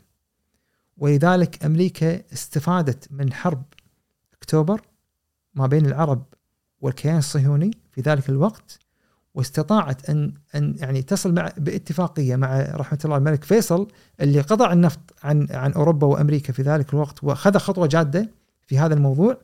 وقعوا اتفاقية بأن إحنا بطريقة أو بأخرى ست- ستنتهي الحرب في في في في مصر. وسيكون هناك اتفاقية ما بين أمريكا والسعودية ثم تباعا آه، دول أوبك بأنها لا تبيع النفط إلا بالدولار. وبذلك ضمنت أمريكا دائما في طلب على الدولار. دائما في طلب على الدولار وطلب جدا كبير. اليوم التجارة الدولية حجم التجارة الدولية في في العالم كله تقريبا 52% منها يتم عن طريق الدولار. يعني متخيل إنه يعني وواقعيا هو ترى طبعا موضوع النفط يشكل جزء كبير من 52 هذا. الله يفتح عليك. موضوع النفط هو يشكل أحد الأجزاء الرئيسية. يعني مثلا لو تضرب مثلا 100 آه، مليون برميل يوميا بسعر 80 دولار يطلع لك رقم يعني يمكن يمكن كم؟ 7 مليار أو أو أو أو أو أعلى. يمكن 7 مليار. لو كان سعر برميل النفط 7 70 دولار. 7 مليار يوميا يتم تداولها بالدولار. بس بس بالنفط. وتخيل عاد بقية الأمور. فإحنا لو نرجع على سؤالك الأساسي لأن هذا التسلسل التاريخي هذا وايد مهم. م. أن ما سبب قوة الدولار واستمرار حاجة العالم لهذا الدولار هو هذا الحدث التاريخي. التسلسل من مؤتمر بريتون وود إلى توقيع الاتفاقية في 73 إلى اليوم أغلب تداولات ال- ال- النفط وكل تداولات النفط وأغلب التداولات التجارية حول العالم تت- تتم عن طريق ال- بالمناسبة ال- ال- العملة اللي تي وراها اللي تي ورا الدولار بحجم التداولات التجارية حول العالم اللي هو اليورو. م. يشكل 30% تقريبا أو 29% بحسب الإحصائيات. اللي يجي عقبهم يعني تخيل شوف ال- ال gap الكبير ما بين أمريكا وما بين يعني أكبر تحالف تجاري حول العالم اللي هو الاتحاد الأوروبي. إي عقبهم بعدين آه، أعتقد الين الياباني آه، مع يمكن ال- ال pound البريطاني. وبعدين يعقبهم اليوان ف يعني آه، طبعا كم الين الياباني وال- وال pound يمكن 4 أو 5% يعني. فإحنا عندنا ما زالت الهيمنه جدا كبيرة. وأعتقد بأن أمريكا ست- ستظل بقدر المستطاع تحافظ على هيمنة الدولار لأنه هو اللي يعطيها ال- ال- القوة في السيطرة على اقتصاديات العالم كلها. تعطيها الحرية إنها تطبع دكتور عادل. الله يفتح عليك. هذه نقطة ثانية بعد. حرية الطباعة هذه بروحها يعني آه، يعني تأتي خلف حاجة العالم للدولار وأكبر مخزونات العالم في من العملة الأجنبية هي بالدولار الأمريكي. ولذلك حرية الطباعة جدا عالية يعني في في أمريكا. وهو اللي أعطاهم حرية الطباعة في أزمة كورونا يعني. 2008 نفس الشيء صح؟ يعني 2008 اي تصدق الحين وأنت قاعد تتكلم قاعد أذكر هذا موضوع الاستيمولس اللي كانوا يسوونه. يعني كنت دائما تسألنا شلون يعني تشيكات بين فترة وفترة إيه. تشيكات ف الحين شوية قاعد أربط إن شلون أمريكا عندها هذه القدرة بإنها تطبع. لا عندها قدرة جدا عالية لأن ماكو ماكو آه، سلعة مربوطة فيها. يعني الذهب ما هو مربوط. مع العلم ترى ترى تقريبا أمريكا تمتلك أكبر مخزون آه، للذهب آه، حول العالم. يعني من أكبر تمتلك تقريبا إذا ما خاب ظني يمكن الربع. أوف. يمكن ربع أو أقل من الربع. من مخزون الذهب حول العالم. فلا أمريكا عندها مخزون ذهب جدا جدا عالي. هذا يعني آه، يعني بس انه بس ما يعادل كميات الذهب ما يعادل كميات الدولارات حول حول العالم يعني. بس الدولارات أكثر. أكثر بوايد. يعني هذا هو هو تخلوا عن هذا الاتفاق مع نيكسون صح؟ مع قالوا لفتره مؤقتة وبعدين. واستمر إلى اليوم. بس بعدين إذا نرد على موضوع ال- الورد بانك أي. إيه، هل ما زال ال- ال- ال- فرضا إنه يتعامل بالدولار فقط حسب الاتفاقية اللي صارت أول شيء ولا لأن أمريكا أخلت فاليوم في في واقع ثاني؟ المنظمات الدولية بشكل عام من يعني خلينا نقول بعد سنوات طويلة دخلت عملات. فصار في تعاملات رسمية عن طريق عملات آه، أجنبية. فدخل اليورو دخل أعتقد الين الياباني دخل الباوند. ومؤخرا آخر عملة دخلت لتعاملات ال- المنظمات الدولية هو ال- اليوان الصيني. فلا دخلت لاحقا دخلت ال- العملات الأجنبية في في ضخ الأموال داخل هذه المنظمات يعني. بس دكتور الحين قاعد تتكلم انه سبب تفوق أمريكا يعود بشكل كبير لأن في طلب كبير على الدولار. الدولار طبعا. زين وهذا هم يعود لأن ال- ال- النفط ينباع بالدولار فيشكل يعني حجم التداول يعود يعود فضله لطلب على النفط. نعم. فإذا إحنا تونا تكلمنا إن الطلب على النفط ممكن يقل هذا شنو يخلق؟ هل يخلق تهديد لأمريكا ولا عندهم بديل لهذا الشيء؟ ولا يعني المفروض المفروض لما نتكلم بهالسياق هذا بأن أمريكا لا تبي تحافظ على الطلب اللي موجود على النفط. خوش سؤال لأن أنا كنت بعلق على النقطة هذه قبل شوية بأن أمريكا إيش كثر تبي تنزل سعر النفط؟ هذا تساؤل وايد مهم. هل تبي تخليه وايد رخيص علشان تشتري؟ لا. أمريكا تبي تحقق توازن معين. ما بين أن يكون سعر النفط يمكن شراءه بكميات ترتاح منها أمريكا ويمكن في نفس الوقت للشركات الأمريكية أنها تحقق أرباح من خلال النفط الصخري والرملي. ففي توازن خلينا نقول بين ال 60 وال 70 دولار تقريبا أو يمكن 75 دولار. هذا اللي هذا اللي تبي توصل له أمريكا، فأمريكا تقريبا عندها لا عندها رغبة أنها تكون الأسعار معقولة ما تبي الأسعار وايد تنزل حتى يعني لا لا تخسر شركات النفط الأمريكية. وبنفس الوقت ترى أمريكا حطت وعد في 2014 بأننا سنكون في غنى عن العالم بكميات النفط اللي عندنا. وتحقق هذا الشيء في 2019 تقريبا أمريكا اليوم تستغني عن أغلب دول العالم في في حاجتها للنفط. خصوصا إذا إذا صارت الأسعار معقولة واشتغلت كل الشركات النفطية نفط النفط الصخري والرملي في في أمريكا. في المقابل قد يأتي يوم من الأيام ويقال أن أمريكا حاطة خطة تقريبا في يعني نهاية مثلا 2025 أو أو بعدها بشوية بأنها ستكون أحد الدول اللي تصدر نفط للعالم.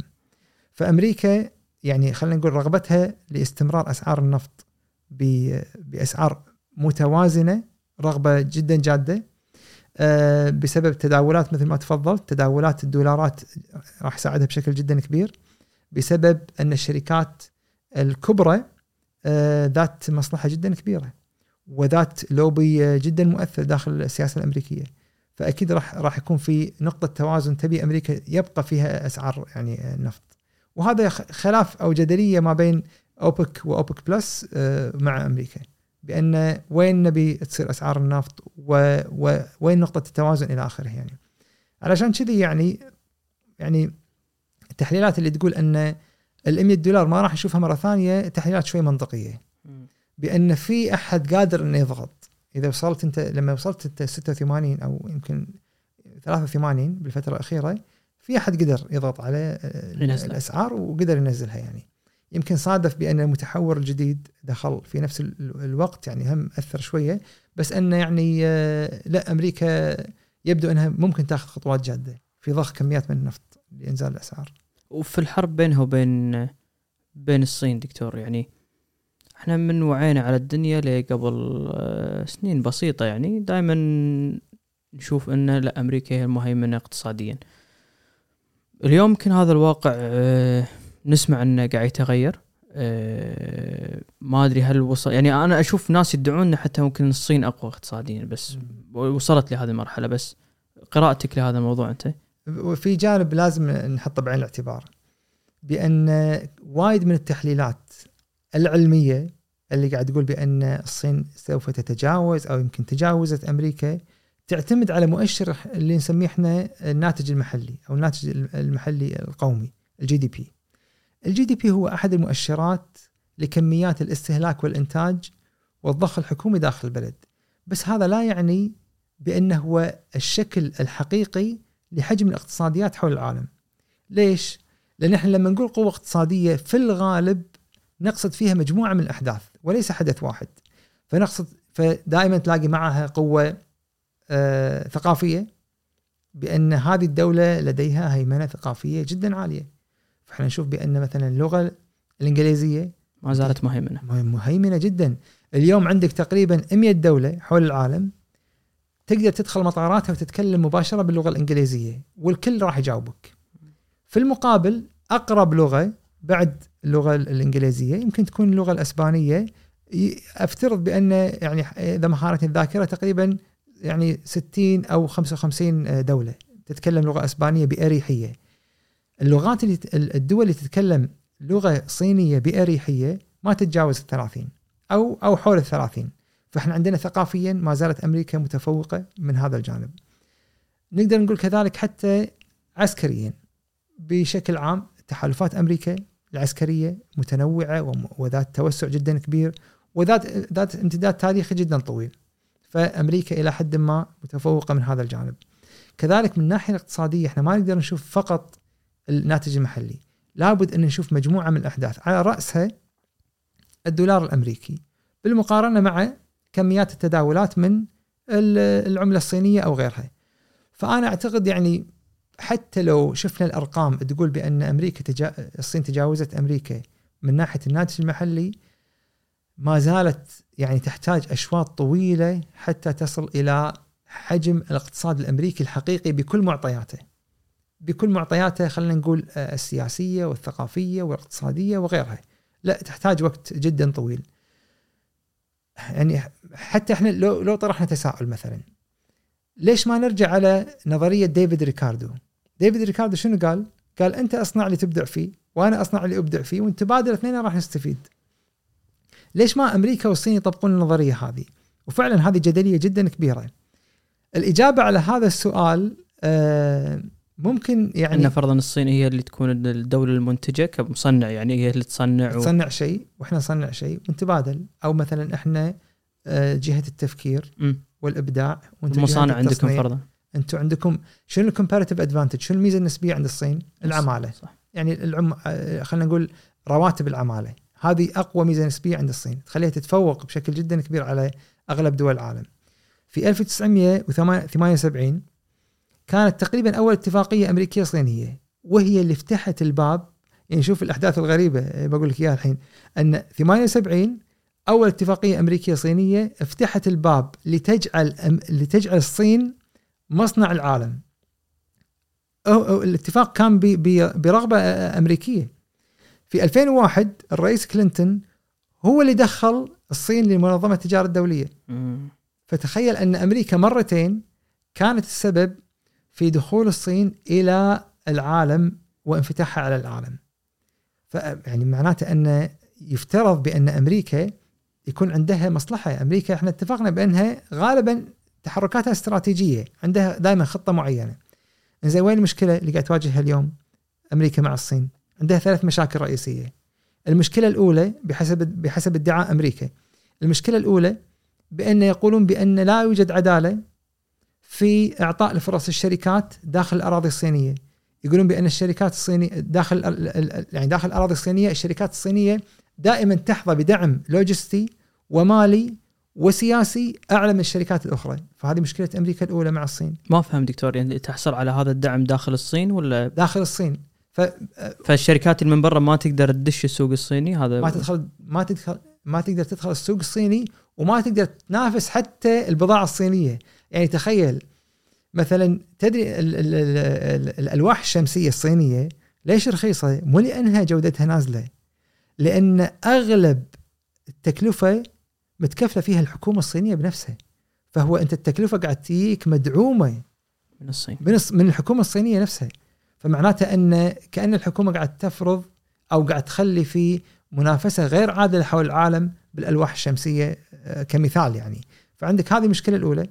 بأن الدعومات غير عادلة المشكلة الثانية ما زالت أمريكا تدعي بأن هناك كثير من حقوق ال- ال- الملكية الفكرية قاعد تسلب داخل الأراضي الصينية مم. فعندنا مثلا آه، يعني أفكار وإبداعات و- وتجارب ونماذج قاعد تصير في دول غربية قاعد يتم إعادة تشكيلها ونسخها داخل الأراضي الصينية دون محاسبة أصحاب ال ال ال النسخ أو التقليد. المشكلة الثالثة والأخيرة واللي هي تعتبر المشكلة الأكبر اللي هي بأن تدعي أمريكا ويمكن قالها ترامب هو اول أول واحد تجرأ وقالها حرفيا بأنها تدعي أمريكا بأن الصين تتعمد خفض قيمة عملتها في مقابل العملات الأخرى علشان يكون عندها ميزة نسبية للصادرات. لأن تفاجات تو لما ذكرت الترتيب ما ذكرت العملة الصينية يعني أو حطيتها من المرتبه الخامسة يمكن. آه صح صح أي. كلام. لأن لأن إلى الآن ما, ما يعني خلينا نقول دخولها لمنظمة التجارة الدولية قريب ما صار لها يمكن 20 سنة.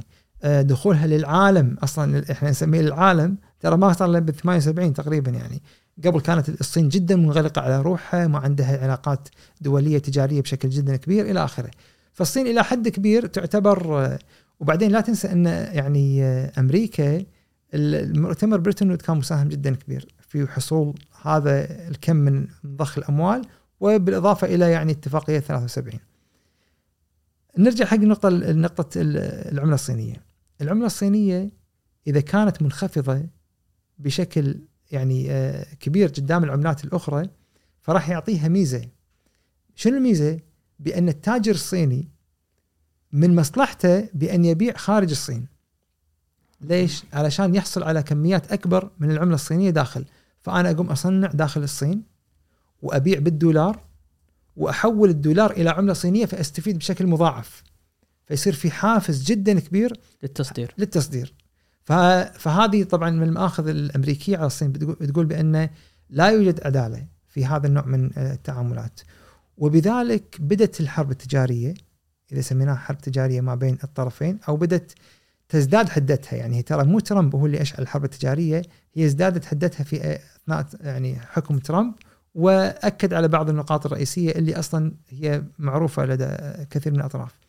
فزادت أمريكا الضريبة آه، على البضاعة الصينية وزادت الصين على أمريكا وهكذا بدأوا يزيدون آه، مع بعض فحتى الصين كانت تتعامل بالمثل كل ما زادت أمريكا على آه، دخول البضائع الصينية لأمريكا تزيد الصين نفس الشيء تماما.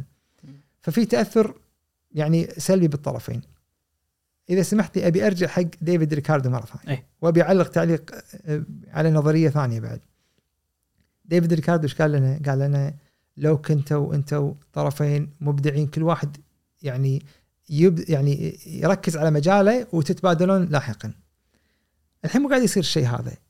في نظرية خامسة ما ذكرناها أو بصراحة ما كنت راح أذكرها بس الحين يعني ذكرتها نظرية جدا جميلة اسمها نظرية اللعبة أو ال game theory ال game theory تعتبر من نظريات اقتصادية أو يعني هي نظرية جزء منها من الرياضيات بس أن كتطبيق تصير اقتصاديا بشكل جدا كبير. شنو فكرة نظرية ال game theory أو نظرية اللعبة؟ بأن تحركات الأفراد والمنظمات والدول تكون بناء على توقعات تحركات الطرف الآخر. فأنا مثل الشطرنج لما ألعب شطرنج أغلب قراراتي في في في حركتي تكون بناء على توقعي لحركتك أنت. م. فما دام أن إحنا متخاصمين وطرفين تنازع في الغالب سأتوقع منك الأسوأ. أنت أنت تبي تفوز علي بالشطرنج وأنا أبي أفوز عليك. لكن هل هذه هي الحقيقة حول العالم؟ لا مو كل مرة الناس ترى في في طرف نزاع. مثال مثال واقعي وصار في سباق التسليح النووي ما بين الاتحاد السوفيتي وأمريكا. يقال بأن نظرية ال game theory أو نظرية اللعبة كانت أحد أفضل السبل لحل مشكلة سباق التسليح النووي ما بين أمريكا والاتحاد السوفيتي. شلون؟ شنو يقول ناش اللي هو اللي كتب النظرية؟ يقول أفضل السبل لوصول لأفضل نتائج للطرفين هو أن يتقابلان. لازم يقعدون مع بعض. لأن لأن لو كنت أنا دائما أتوقع منك الأسوأ بدون ما أشوفك وأنت تتوقع مني الأسوأ بدون ما تشوفني فأنا راح أتحرك بناء على شيء توقعته منك سيء. صح. قد يكون في ضد مصلحتي أنا أصلا. أنا ضد مصلحتي الشخصية. بس لأني متوقع بتسوي في شيء بتسوي فيني شيء مو زين فأبي أتحرك أبي أنقذ نفسي. فيقول أفضل طريقة لحل معضلة ال game theory بأن يجلس الطرفان على طاولة واحدة واللي صار في 86 ما بين الرئيس ريغن وغورباتشوف. قعدوا ووقعوا اتفاقية خفض التسليح النووي. اليوم أرجع على موضوع الصين. أنا سامحني أنت لما تسألني ألف لفة طويلة بس لا لا بالعكس أحيانا أنا, أنا مس... أحس ان في حاجة لتفصيل لا لا الموضوع. لا بالعكس عشان حتى تكون الصورة واضحة أنا, أنا مستمتع معاك ومستانس. اللفة الطويلة وين وصلتنا؟ إيه؟ اليوم لازم يقعدون أمريكا والصين جلسات متتابعة لحل هذه المشكلة. بأن أمريكا بادعاءاتها بأن أمريكا الصين قاعدة تتجاوز على التجارة الدولية باستخدام هذه النقاط الثلاثة اللي ذكرت لك إياها.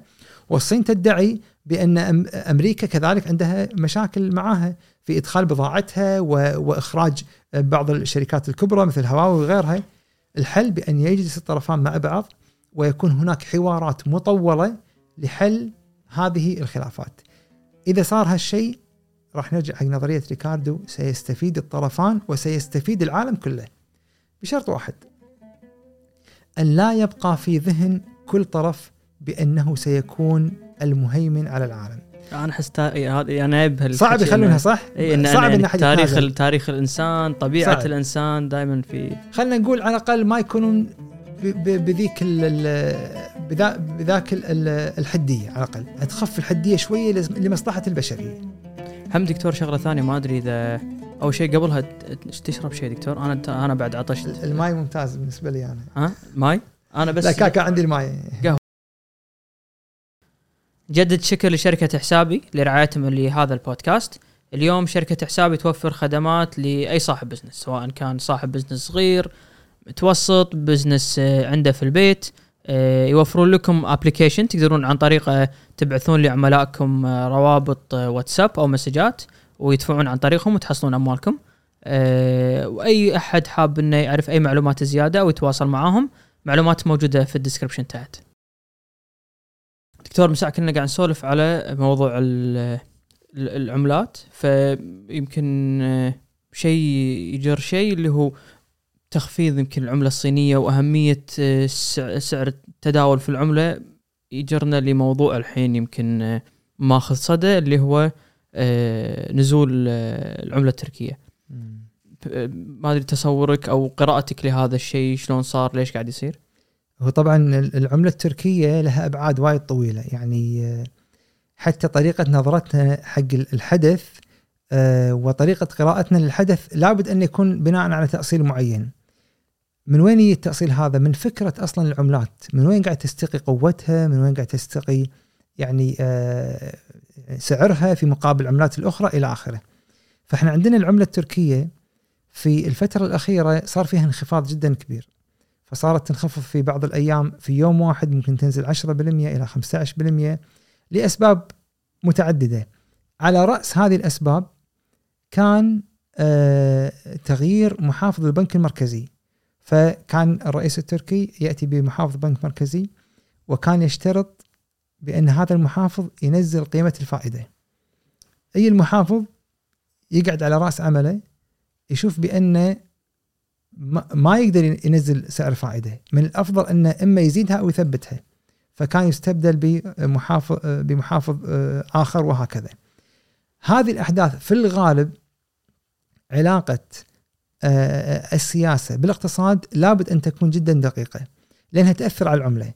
أي يعني أي محافظ مرك آه، بنك مركزي حول العالم كثر ما كان عنده استقلالية في قراراته سيؤدي ذلك إلى استق... آه، استقرار في العملة المحلية، هذا ما ينطبق بس على تركيا، ينطبق على كل دول العالم، إحنا لو نشوف علاقة يعني آه، الرئاسة الأمريكية بمحافظ البنك المركزي الأمريكي راح نلاقيها نفس الشيء.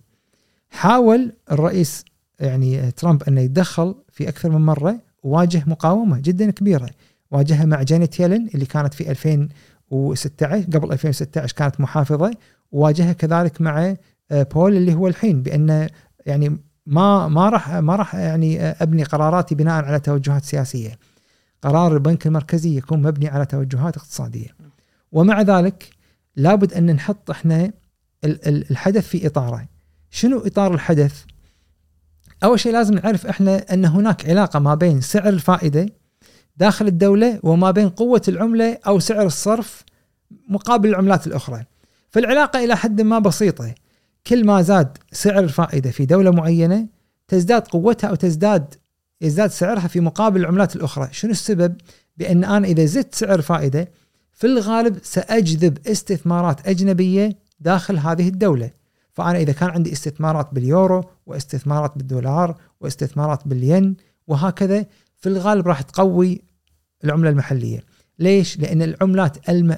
أي عملة محلية استنادها الرئيسي يكون بحجم ال- الاحتياطيات من العملات الأجنبية. م. فأنا هذا هذه الفكرة هني، كل ما أزيد أنا ال interest rate تجيني استثمارات خارجية. فلما يجي أنا العالم كله في تضخم والعملة المحلية في تضخم كذلك لما يكون في تضخم غالبا التوجه العالمي والعرف الاقتصادي بأن إذا كان في تضخم وزيادة في أسعار السلع داخل الاقتصاد أنا أقوم أزيد سعر الفائدة. لسببين، السبب الأول أدخل الاستثمارات الأجنبية والسبب الثاني أني أنا أبي أقلل حجم التداولات المالية للأفراد. لأن الفرد إذا كان سعر ال- الفائدة عالي ما يأخذ قرض. يودع بالمقابل. الله يفتح عليك. يودع في المقابل. فأنا سويت شغلتين بشيء واحد. أني قللت القروض لأن القروض مكلفة وزدت الإيداعات. لما اقلل القروض وازيد الايداعات قللت حركة الأموال أو إحنا نسميه تداولات الأموال داخل السوق وبذلك خففت الضغط على السلع وراح يقل التضخم. فهذه فكرة التضخم بشكل خلينا نقول علمي. إنزين شنو وجهة نظر آه، الرئيس التركي اليوم. اللي إلى اليوم خلينا نقول فيها تحدي صراحة. فيها تحدي كبير وقد يكون مصيرها النجاح. وإذا نجحت راح يكون نه يعني خلينا نقول إذا نجحت فكرته راح يكون تغير جدا كبير بالفكر الاقتصادي. لهالدرجة. ال- ال- أنا أقول لك ليش؟ لأن إحنا عندنا سعر فائده يغير شيئين رئيسيين يغير كميات القروض للأفراد وكميات القروض للشركات. وأنا الحين بقول لك وجهة نظر الرئيس اللي على أساسه بنى هذا القرار اللي هو يبي يخفض سعر الفائدة. يقول يعني الرئيس وحتى وزير المالية الحالي ذكر نفس النقطة. الرئيس الوا- وزير المالية التركي. شنو يقول؟ يقول إذا انخفضت نسبة الفائدة ستكون الشركات سيكون للشركات فرص أكبر لأخذ القروض وزيادة الاستثمارات داخل البلد. فراح يكون في زيادة تصنيع وزيادة إنتاج وزيادة فرص وظيفية وزيادة تصدير. لما يكون عندي أنا كل هذه العناصر الأربعة في الغالب على المدى الطويل راح ينخفض راح تنخفض عندي آه راح ينخفض عندي التضخم. لأن أنا خلاص زدت ال ال الإنتاج عندي أنا وقللت اعتمادي على نسب الفائدة. فهو الحين عندنا إحنا شيئين قاعد يصيرون مع بعض. لما قلل الفائدة الأفراد راح يقدرون يأخذون قروض.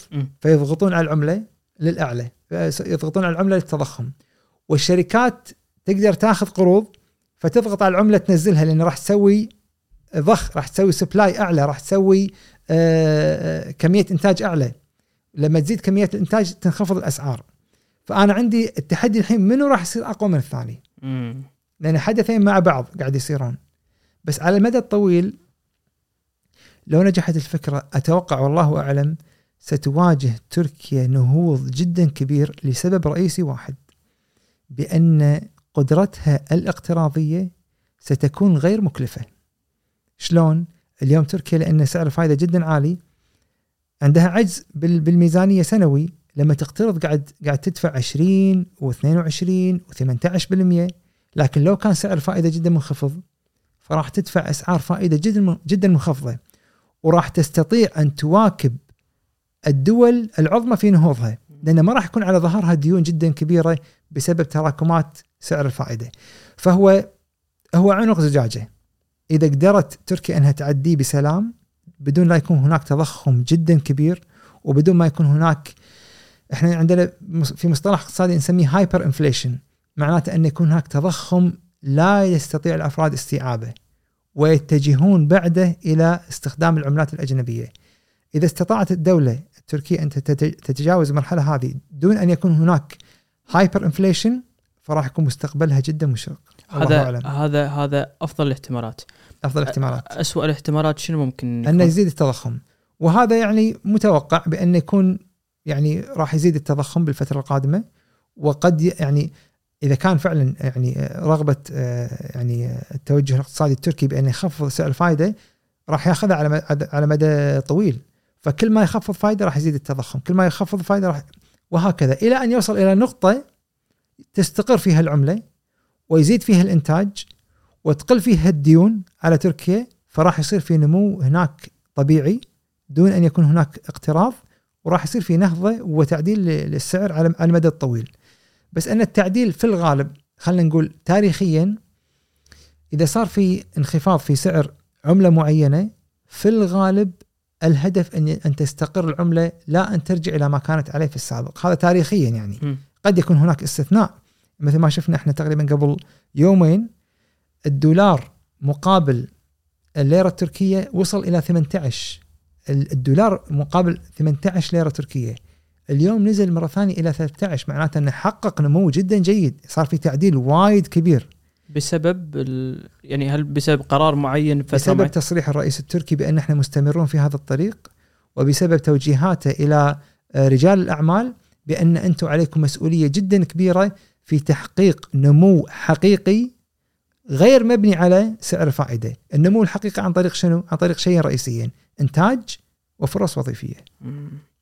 بس أنا بس برد على مرة ثانية اسوء الاحتمال يعني ال- الخطوات اللي قاعد ياخذونها هل ممكن توصل عواقبها لمرحلة انهيار ولا صعب صعب لأن يقدر يوقف بأي وقت يعني لو مثلا وصل مرحلة انه وصل انفليشن أو تضخم إلى نسب يعني لا يستطيع أن يتحملها المواطن التركي أو لا تستطيع أن تتحملها الميزانيه التركيه عنده الأداة متاحة. يقدر يرجع سعر الفائده يصعده لأنه وصل اليوم إلى سعر من زمان ما شافه. يعني هو كان سعر الفائده أتوقع أنه وصل إذا ما خانتني الذاكرة 22% واليوم نزله إلى 15 فهذا يعتبر يعتبر يعني قفزة جدا كبيرة. وهو يقول أنا ما أبي تكون دولتي معتمدة على أسعار الفائده ما أبي أن أنا أظل أسير لسعر فائدة جدا عالي وإيراد واستثمارات أجنبية تدخل بسبب آه، الرغبة في آه، عوائد آه، فوائد. لا أبي استثمارات أجنبية تدخل برغبة بسبب عوائد إنتاج وليس. عوائد فوائد. وهذا طبعا رغبة جدا طموحة لو تحققت راح تسوي تركيا نهضه جدا كبيرة يعني. بس على موضوع الانهيارات موضوع الازمه أو قبلها خل اسالك دام أنت عرضت سيناريوين مختلفين. وين انت إيش متوقع؟ متوقع انه آه، راح يعني الله اعلم آه، قد تواجه تركيا يعني انخفاض بأسعار عملتها تدريجيا على على المدى الطويل. لكن التحسن راح يكون قدام. يعني آه، ممكن سنتين أو ثلاث. فقد نواجه يعني انخفاض بأسعار العملة التركيه في قادم الأيام. والله أعلم إذا استمر خفض يعني سعر الفائده راح يكون في انخفاض لسعر العملة مقابل العملات الأخرى إلى أن توصل إلى نقطة استقرار ومن بعدها راح يك- يكون في نمو كبير. بس- ليش بس بقاطعك المعذرة السبب الرئيسي في هذا بأن قرارات الأفراد في الغالب أسرع من قرارات الشركات. فعلى سبيل المثال إحنا لما نقول والله ال- المقترضين كشركات لما تقترض وتنتج في الغالب قراراتهم تكون مبنية على خطط خمسية، خطط عشرية إلى آخره. فأنا الشركات الكبرى ما تغير رأيها بيوم وليلة، لا تكون عندها خطة استثمارية طويلة الأمد مبنية على توقعات سعر فائدة، فلما يتغير سعر الفائده بسرعة من اللي يغير قراره؟ الفرد أسرع من الشركة لأن الشركة حطت خطتها كاملة،. فأنا أتوقع انه يكون هناك تغيير على مدى شوي أطول بالنسبة لل- للإنتاج. بس دكتور تركيا قادرة إنها تتحمل انهيار العملة يعني بس الان أنا برجع حق موضوع إن تركيا تعتبر من دو من دول مصنعة صح. صح فلو كان مثال عكس ذلك فرضا مثال بالكويت صعب إن دولة مثل الكويت تتحمل مثل هذا الانهيار لا صح؟ صعب جدا صعب لأن إذا إذا أنت ما عندك أصلا أداة تتحدى فيها سعر الفائده معناته أنت راح تواجه صعوبة جدا كبيرة. يعني تركيا شنو مثلا من من الأشياء اللي قاعد يقولونها؟ يقولون أن أغلب الدول الصناعية حول العالم قاعدة تعيش على سعر فائدة منخفض جدا. وبعض الدول الصناعية الفائدة فيها صفر وبعضها وصلت إلى سالب مثل اليابان. ومجموعة من الدول الاسكندنافيه كذلك. هذا يتحدد عفوا على ثقة العالم فيهم ولا؟ على صناعتهم على ثقة العالم فيهم على على المدى الطويل في في سعر الفائدة إلى آخره. فإحنا نقدر نقول بأن يعني مرحلة تحدي جدا كبيرة. إذا استطاعوا أن يتجاوزونها فسيكون مستقبلهم مشرق إن شاء الله يعني.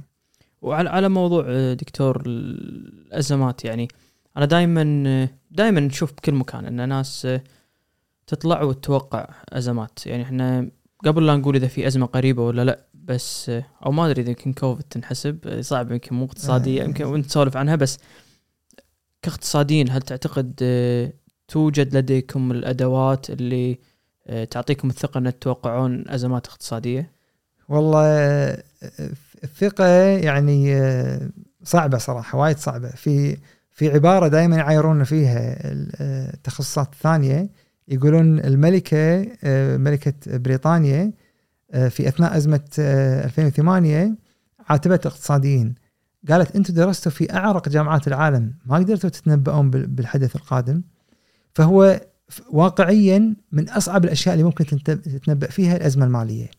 السبب الرئيسي بأن غالبا الأزمات المالية تدخل عليك من أبواب مختلفة. فمثلا في 2020 دخلت علينا من باب الصحة. في 2008 دخلت علينا من باب العقار. في 2000 أو أو 99 2000 دخلت علينا من باب التكنولوجيا. م. 97 من باب العملات إلى آخره. فإحنا هو التساؤل عندنا اليوم هل يوجد أدوات ممكن أنا أتنبأ فيها بأزمة تأتي من أي باب؟ أنا أعتقد أن الإجابة إلى حد ما صعبة. بس علشان أحاول أبسطها وعلشان أحاول يعني أقول أكون يعني علمي وواقعي في نفس الوقت أتوقع بأن هناك ثلاثة أحداث رئيسية قاعدة تصير اليوم قد يكون طبعا لا سمح الله يعني إن شاء الله ما تصير أزمة بس انه قد يكون آه، أحدها هو باب للأزمة المالية القادمة إذا كان هناك أزمة مالية قادمة. الأول هو التضخم. اليوم العالم قاعد يعيش نسبة من التضخم ما عاشها من فترة طويلة جدا. أمريكا وصلت نسبة التضخم إلى رقم ما شافتها من 40 سنة وهذا يعتبر حدث غير عادي. ومع ذلك قاعد نشوف إحنا البنك المركزي الأمريكي إلى اليوم ما زاد نسبة الفائدة وهذا بعلق عليه بعد شوية. بس أنا الحين أبي أقول لك شنو المخاطر الرئيسية. عندنا التضخم رقم واحد عندنا نسبة الديون إلى الناتج المحلي وصلت إلى أرقام جدا عالية. اليوم أمريكا ترى اقترضت اقتراضات جدا عالية ما مرت عليها في التاريخ. البنك المركزي الأمريكي كان يملك سندات آه، تقدر تقدر تقريبا ب 800 مليار قبل أزمة 2008 مع أزمة 2008 لما ضخ يعني اشترى ديون آه، أمريكا المركزي الأمريكي اشترى ديون الحكومة وصل إلى تقريبا ثلاثة ونص آه، تريليون. اليوم في أزمة كورونا فقط وصلت الديون التي يمتلكها البنك المركزي الأمريكي آه، مقابل الحكومة الأمريكية وصل إلى 8 تريليون. معناته كمية ضخ جدا كبيرة للأموال ودين على ظهر الحكومة الأمريكية يعتبر هذا. فعندنا نسبة الديون قاعدة تزيد هذا عندنا الباب الثاني. الباب الثالث لو لا سمح الله صار حدث معين أدى إلى انهيار المنظومة آه، آه، المالية في العملات الرقمية بالكامل. لو صار شيء ما عملات الرقميه العملات الرقميه م. لأن العملات الرقمية لهم تداولاتها جدا كبيرة. م. يعني تقريبا توصل إلى يمكن 2 تريليون تقريبا أو أكثر شوية. لو فجأة انهارت كل المنظومة الرقمية لسبب معين لسبب قانون لسبب آه، يعني حدث آه، يعني آه، في في الإنترنت لسبب حدث في الكهرباء أي أي شيء. هل ممكن ممكن تسبب أزمة؟ لأنه قد يكون أثر متراكم. يعني إن سقوط هذا القطاع يؤثر إلى سقوط قطاع آخر إلى وهكذا. فعندنا إحنا النقطة الثانية بأن عندنا تقريبا عندنا دورة اقتصادية طبيعية.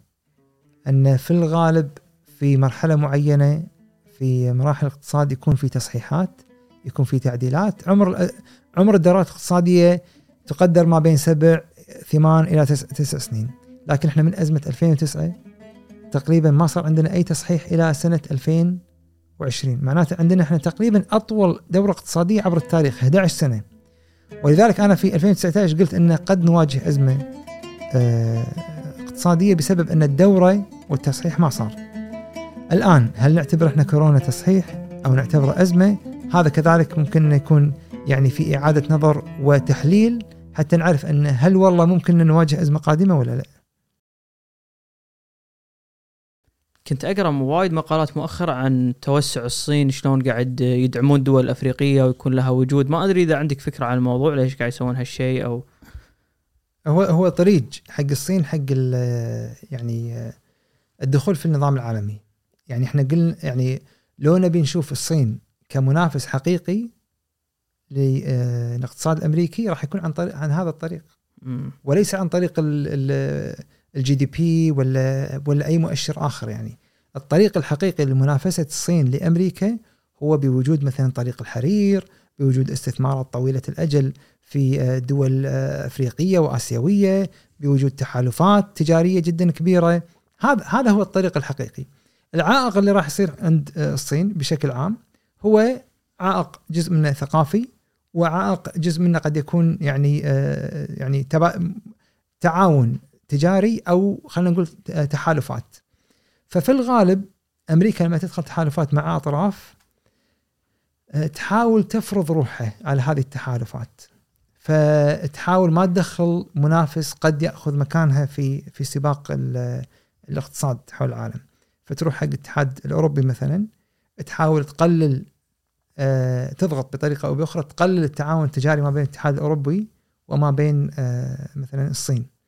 الاتحاد الأوروبي إذا قدرت تدخله في الغالب هو بوابة التجاره مو بس في أوروبا بوابة التجارة العالمية هو يعتبر إلى الآن أكبر سوق حول العالم وأكبر قدرة شرائية ف غالبا راح تلاقي أو حتى يمكن ترامب صرح فيها في أكثر من مرة بأن كأنه يحاول آه، يفرض هيمنته على الاتحاد الأوروبي أو على طريقة آه، تجارتهم أو غيره يعني. فالخطوات هذه اللي تفضلت فيها اللي اللي الصين قاعد تاخذها هذا هو الطريق الحقيقي للمنافسة على مقعد آه، هيمنة الاقتصاد العالمي يعني. صدق اليوم بالصدفة شفت فيديو دكتور يشرح شلون ألمانيا مع الوقت الصين أصبحت أكبر مستورد للسيارات الألمانية. ف يعني هذا كله له آه، يعني آثاره إن شلون ممكن الصين يكون لها يعني آه، ألمانيا تكون ملزومه ان تسمع للصين إذا قالت واحد ولا اثنين لأن إذا قطعت هذه العلاقة ولا آه، قطعت موضوع إنها تشتري السيارات من ألمانيا يعني تتكلم على أكبر مستورد شيء مش وهم وهم أكبر صناعة عندهم السيارات. نعم. فقواعد اللعبة أعتقد وايد قاعد تغير يعني حتى لما نتكلم عن ال soft power يعني آه، أنا وايد أحب أقرأ بهالموضوع هذا آه، اللي هو أو في حادثة صارت تذكرها مالت المنظمة الصحية. يوم طلع رئيس أعتقد رئيس المنظمة الصحية سألوه عن تايوان. أعتقد عن تايوان. ما رضى ما رضى يعقب. لأن الصين تعتبر تاي ما تعتبرها دولة أو شغلة كذي نعم. تابعة لها فما رضى يرد عليهم. حلو. أه قاعد أشوف هم فيديو ذاك اليوم انه أو صارت بأكثر من مرة. ما أدري إذا تتابع. سلة لبرون جيمس أعتقد. كنا لبرون جيمس والله. أه وفي مال مال المصارعه هذا جون سينا. أي. ذكروا تايوان. قالوا كلمة تايوان. اضطروا بعدين من ضغط من المنظمات اللي فرضا من ال NBA ولا ال WWE إنه يطلعون يعتذرون للشعب الصيني. يعني جون سينا طلع تكلم بالصيني ها. يعتذر منهم ان أنا آسف وأنا ما أقصد ان أقول تايوان وما أعرف إيش. بس صحيح يعني قواعد اللعبة مع الصين ما كان لها هذا الحضور في السابق. يعني منو منو يلتفت بأن أنا غلطت على الصين ولا ما غلطت عليها؟ اليوم الشركات الأمريكية قامت تحط ألف اعتبار حق الصين يعني. صح. هو ترى هذا هم يأكد لنا نقطة ثانية بأن الخلاف التجاري أو الخلاف الاقتصادي ما بين أمريكا والصين هو مو خلاف إلى أقصى مدى. ما زال هناك تعاونات ما زال هناك مصالح مشتركة ما زال هناك فرصة لإعادة المياه إلى مجاريها. ولذلك إحنا نرجع حق نقطتنا الأساسية بأن نقدر نقول بأن نظرية اللعبة قد تحل المشكلة عن طريق مثلا مجموعة لقاءات أو عن طريق حل الخلافات هذه بحوارات آه، يعني متعاقبة يعني.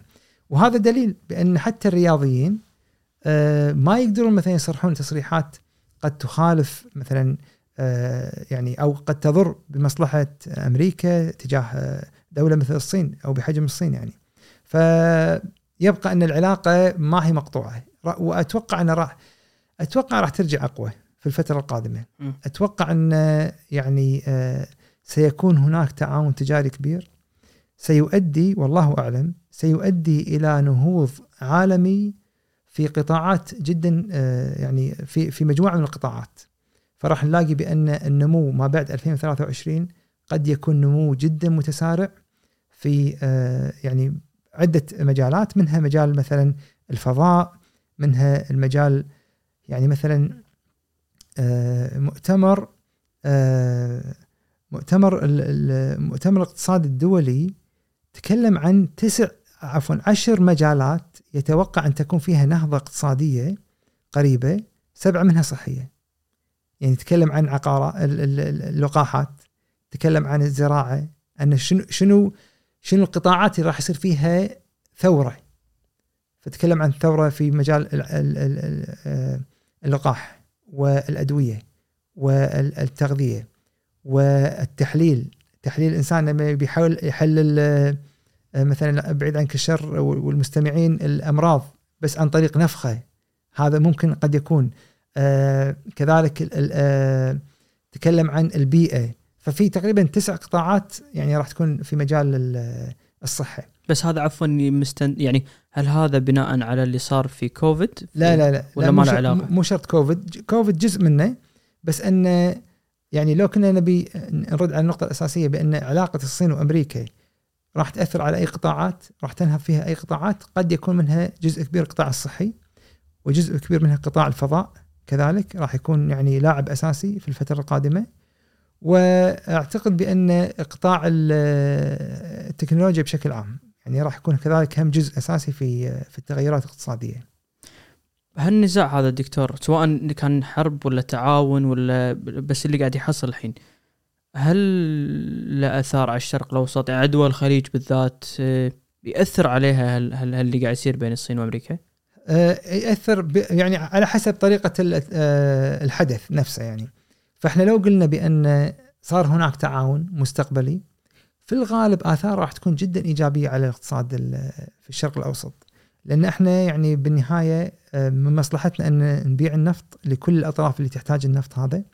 من مصلحتنا أن يكون عندنا تعاونات تجارية واستراتيجية مع كل الأطراف.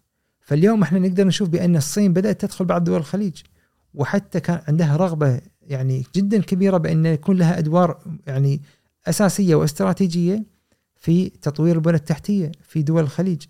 فإحنا إحنا ما نبي يكون هناك خلاف ما بين الصين وأمريكا يمنع هذا النوع من من التعاونات. فأنا أعتقد بأن علاقة الصين بأمريكا إذا كان هناك تحسن فيها أعتقد أن انعكاساتها راح تكون إيجابية على دول الخليج والشرق الأوسط بشكل عام. القطاعات هذه اللي تكلمت عنها دكتور يعني أنا خلينا نتكلم فرضا. ما أدري إذا تبي تجيبها فرضا قبل كورونا أنت بوجهة نظرك الشخصية شنو؟ أهم القطاعات اللي قد تغير شكل الاقتصاد الحالي. آه، إذا في شيء فرضا كورونا ساعد في انتشاره شيء ألغاه كورونا كان القطاعات موجودة يمكن كورونا أنهاها. نظرة كذي عامة أكثر شوية على على هذا. يعني القطاعات خلينا نقول اللي انتهت والقطاعات اللي أنت تعتقد أنها في صعود كبير راح يكون لها. حلو. كورونا سوى شيء جدا مهم حول العالم. زاد من وتيرة التسارع في اتجاه التكنولوجيا. يعني إحنا متسارعين باتجاه التكنولوجيا. كورونا يا زادنا سرعة في هذا الاتجاه. هذه الزيادة بالسرعة في الغالب راح تأثر على مجموعة من القطاعات ومجموعة من الوظائف. ففي مجموعة من المؤتمرات حول العالم بدأت تتكلم عن الشيء هذا وما أقول لك أنها تحذر ولكنها تنبه. تقول بأن هذا النوع من القطاعات وهذا النوع من الوظائف قد يكون الطلب عليه منخفضا في مستقبل في المستقبل القريب. أو في قادم الأيام. وهذا النوع من الوظائف قد يكون الطلب عليه مرتفع في قادم الأيام. فإحنا عندنا يعني توجه عالمي أصلا قاعد يصير. يد كورونا قامت تسرعه تسرع هذا التوجه. تخليه باتجاه يعني أسرع. شنو مثال مثلا؟ يعني حضرتك سألتني سؤال شنو القطاعات مثلا؟ خليني آخذها من الناحية السلبية. أبي أبي أعكس السؤال. شنو الأشياء اللي قد تتضرر؟ بالبداية واسمح لي يعني يمكن راح أقول كلام يعني أنا أدرس business بال يعني إحنا أنا في كلية الأعمال في جامعة الخليج. فأدرس مجموعة من التخصصات اللي قد تتضرر. بس أنا لازم نقولها اليوم لازم نقول ان يجب أن يكون هناك حذر في المستقبل. فمثلا من الأطراف اللي وايد تكلموا عنها المنظمات وخصوصا ال IMF تحديدا في آخر مؤتمر له قال قطاع المحاسبة. أوف. قطاع المحاسبة قال يجب أن يحذر كل الموظفين في قطاع المحاسبة. هذا دكتور مع اذنك بقصها أنا عندي أخوي تو رايح محاسبة. عيست منه. يعني أنا والله. يا كأنك كات علي ماي بارد بقصها وبدت تو رايح أمريكا محاسبه عيست منه. إنزين. فمشكور. تفضل مشكور. خلاص خلاص بس إن شاء الله معود بعد ما يغير تخصصه يروح شيء ما يحبه لا لا, لا. خليه يروح بس ولا ياخذ شيء كمبيوتر ياخذ مكانه عيست منه. لا بس جبتها بس, بس يحبه زين أنا عندي تعليق بنهاية إيه. راح يكون مصلحة أخوك يمكن ما أدري. بس أنه لا فعليا ترى أتوقع كلامك صحيح وما شاء الله عندك نظرة بأن المحاسبة رقم واحد اللي أنا شفت لها تحذير في أكثر من مؤتمر بأن مو بس المحاسبة حتى المراقبة.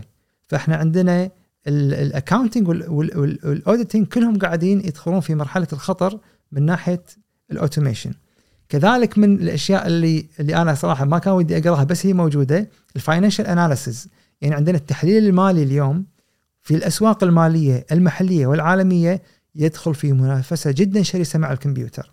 فإحنا عندنا قراءة الكمبيوتر وقدرته على التحليل وقراءة الأحداث والتنبؤات وحتى إعطاء التوجيهات وال recommendations جدا جيدة بالنسبة للكمبيوتر هذا بالنسبة حق الأشياء العامة إضافة إلى ذلك التحذيرات طالت ال human resource وطالت الإدارة وطالت بعض الأشياء بعض التخصصات اللي هي الأكثر خطرا على الإطلاق اللي هي شنو؟ اللي هي ال data entry والسكرتارية. مدخل البيانات والسكرتارية وفوقهم كذلك ال teller موظف البنك ال teller وظائفهم هم الأعلى خطورة في قادم الأيام. سيستغني عنهم ستستغني عنهم الشركات آه، بوظائف آه، أوتوماتيكية عن طريق آه، إما يعني كمبيوتر أو عن طريق مكائن. في المقابل الحين أنا بيرد على سؤالك من الجانب الثاني في المقابل شنو أكثر الفرص اللي قد تكون أو أكثر القطاعات اللي يعني ستكون لها فرص أعلى بناء على توجيهات ال IMF ومنظمات أخرى. إحنا قلنا أخطر ناس منه ال data entry. في المقابل أعلى فرص للوظائف ستكون لمحلل البيانات. يعني اللي عنده قدرة على تحليل البيانات وليس قدرة على إدخال البيانات. لأن راح يجي يوم من الأيام ستكون أغلب البيانات متاحة حول العالم. ستكون سيكون الكمبيوتر له قدرة على إدخال البيانات بس لن يكون لديه قدرة على تحليل البيانات خصوصا شنو؟ خصوصا البيانات اللي تتعلق في نظرة إنسانية أو تتعلق في ما يسمى بالبيانات الكبرى. ولذلك أنا ودي أعلق تعليق جانبي يعني خارج النص بأن إحنا يعني خلاص يا اليوم اللي نفكر فيه في نظامنا التعليمي اللي لازم يطلع من الحفظ إلى الفهم. لابد يكون عندنا نظام لا يعتمد على الحفظ والتسميع يعتمد على إعطاء الطالب الأدوات وهو يقوم بتحليل الأحداث بنفسه. هذا راح يهيئ حق سوق سوق العمل. أنا إذا بحفظ الطالب وأخليه يسمع راح يصير data entry بالضبط إدخال بيانات و بس انه قدرة على تحليل البيانات لا هذا راح يكون هو أحد أهم الفرص الوظيفية في المستقبل. شنو بعد فرص وظيفية؟ بس عفوا دكتور برجع. طبعا. أنت كنا في بداية كلامك قلت ال financial analysis في خطر. financial فتقصد تحليل يعني التحليل غير التحليلات المالية هي اللي ممكن يكون لها مستقبل ولا؟ اللي اللي مرتبطة بانترنت الأشياء. فعلى سبيل المثال كل ما يعني يقوم به الإنسان في حياته اليومية شلون أنا ممكن أحوله إلى أرقام وتحليلات؟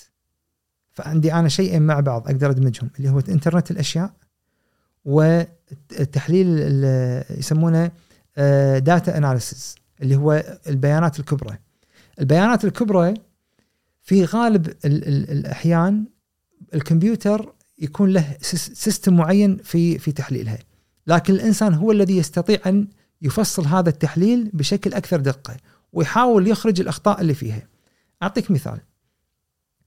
في حدث رياضي يعتبر إلى حد كبير حدث رياضي آه صار في يعني آه صار عليه ضجة جدا كبيرة في سنة 1997 كان هو أهم مباراة في الشطرنج في تاريخ الشطرنج كلها. كان ما بين بطل العالم اللي ظل 22 سنة بطل العالم اسمه جاري كاسباروف وما بين كمبيوتر اسمه ديب بلو. ديب بلو سووه شركة آي بي إم. كان مجموعة من من عباقرة ال ال الكمبيوتر وعباقرة الشطرنج. سووا برنامج معين قالوا حق بطل العالم نبي نبارك بال بال بالشطرنج. بطل العالم عنده خبرة سابقة. فاز على 35 كمبيوتر في مباراة واحدة. حطهم كلهم مع بعض وفاز عليهم كلهم. وهو وصل مرحلة كان يباري 20 بطل في الشطرنج ويفوز عليهم كلهم مع بعض. يقعدهم على طاولة على حرف اليو ويفوز عليهم مع بعض. فهو واصل مرحلة جدا متقدمة. يقول كاسباروف في خطاب جدا جميل أنا أنصح الكل انه يشوفه على تيد توك يقول آه طبعا يقول أنا فزت على الكمبيوتر في أول مباراة بس المباراة الثانية خسرت. فيقول خسارتي أمام الكمبيوتر لا ما أعطتني إحباط. أعطتني تفكير عميق بأن هذا الشيء أستطيع التعاون معه لتحقيق قوة جدا كبيرة في أي قطاع من القطاعات. وهذا أنا أقوله حتى حق طلبة ال accounting الحين برجع على مرة ثانية. اللي يدرس أي تخصص يكون في خطر لابد أن يكون متقن للبرامج والتطورات في هذا التخصص. لابد أني أكون أنا محترف. يعني أنا عندي Excel هذا يعتبر ألف باء. ما ما يصير أتخرج من الجامعة أنا ما أعرف أتقن Excel وأسوي لي تحليل كامل. financial analysis مثلا أو مثلا آه، بأي تحليل آه، يعني بال- بالمحاسبة آه، بفترة قصيرة. لابد يكون عندي أنا الفباء بعدين أنا أقول شنو شنو أبعد من كذي. تصدق عفوا قاطعتك بس تذكرني الحين مكالمة بيني وبين أخوي. قاعد أقول له إحنا أيام أيامنا أنا مو بعيده يعني 2010 2011 أو لا قول 15 تخرجت. مقدم على وظيفة معروفة بيننا إحنا شباب. skills Microsoft PowerPoint Microsoft Excel Microsoft Word تحطهم هالثلاثه صح. و- والكل حاط نفسك. اليوم ما أعتقد هذا لا لا. يعني أنت لازم تعرف coding تعرف آه، فرضا أقل أقل شيء فرضا Premiere تمنتج تحط تسوي. صح. آه، أعتقد وكنت أقول لك كنت أقول له أنت ترى هذا العتب مو عليك انت يعني. لا تعتقد إن أنا مو زين بس قلت له أنت الوقت تغير عليك. أنت يا الوقت تغير بحزتك أنت. أنا ما كان علي هذا العائق أو هذا الحمل إن أنا لازم أتعلم هذه البر- البرامج اللي نوعا ما وايد أصعب من ال Excel وال PowerPoint بس قلت له أنت لازم تتاقلم يعني مم. هذا هذا أنت حظك صار كذي إن أنت اليوم الطلبات اللي موجودة عليك وايد أكثر من الطلبات اللي كانت موجودة مو بعيد يعني 2016 2017 صح. فذكرتني بهال بهال دار بيني وبينه يعني. هو فعلا إحنا يعني لابد أن يكون في تعاون جدا كبير ما بينك وما بين الآلة.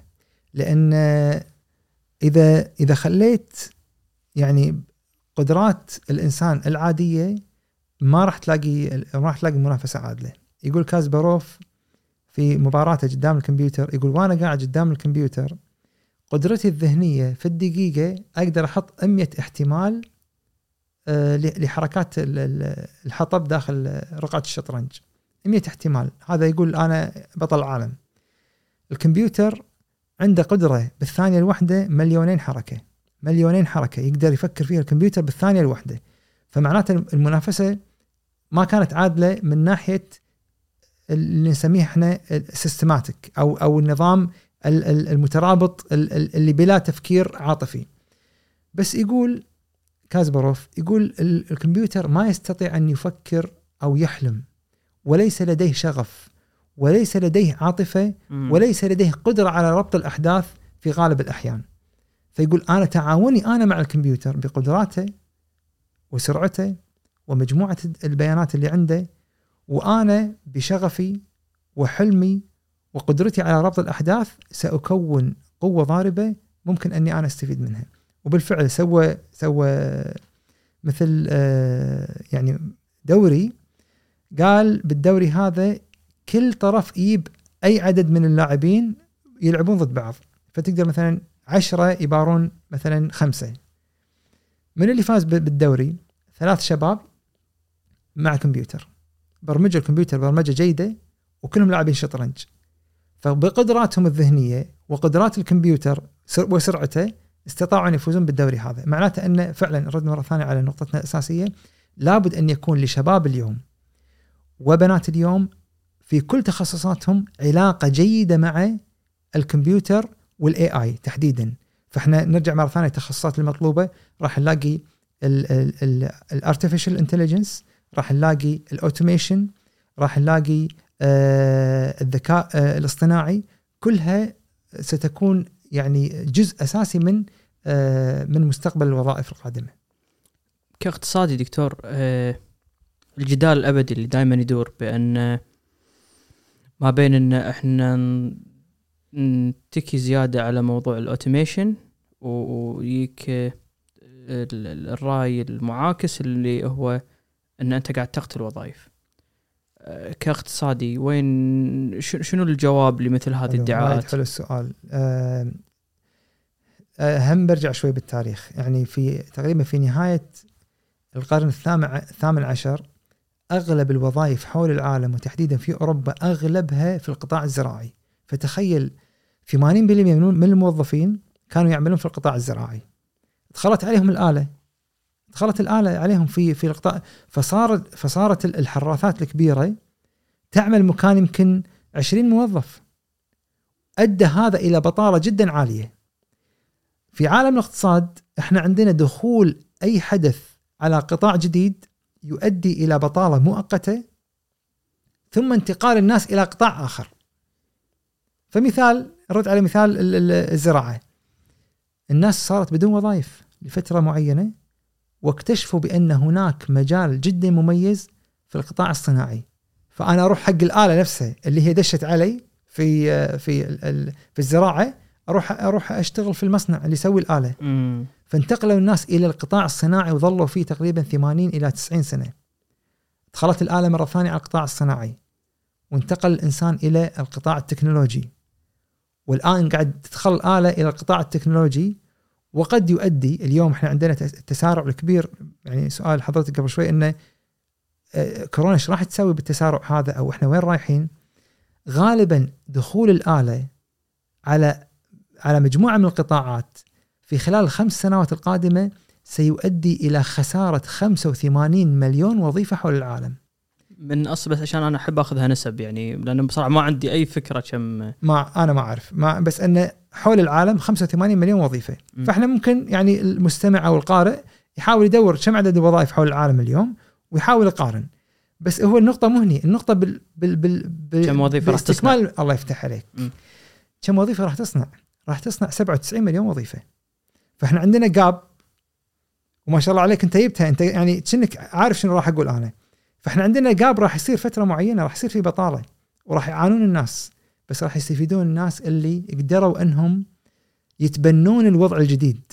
فإحنا عندنا تبني للوضع الجديد سواء وضع ما قبل كورونا أو حتى في أثناء كورونا.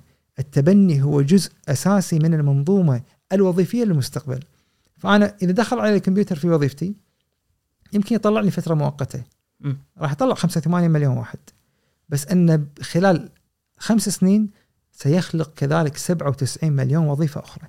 فإحنا عندنا نمو في الاقتصاد سيحدث بسبب تحول الناس من قطاع إلى آخر. بس عفوا هذه الدراسه دكتور توضح ولو يعني بشكل بسيط شنو ممكن الوظائف اللي تنخلق بأي شكل من الأشكال يعني أنت تتكلم على عدد مو بسيط يعني 97 مليون صح هو في الغالب الوظائف اللي قلناها إحنا يعني في وايد من الوظائف تتعلق في آه، البرمجة وايد وظائف تتعلق في آه، الذكاء الاصطناعي ومحاولة خلق منظومة آه، فكرية داخل ال- الكمبيوتر.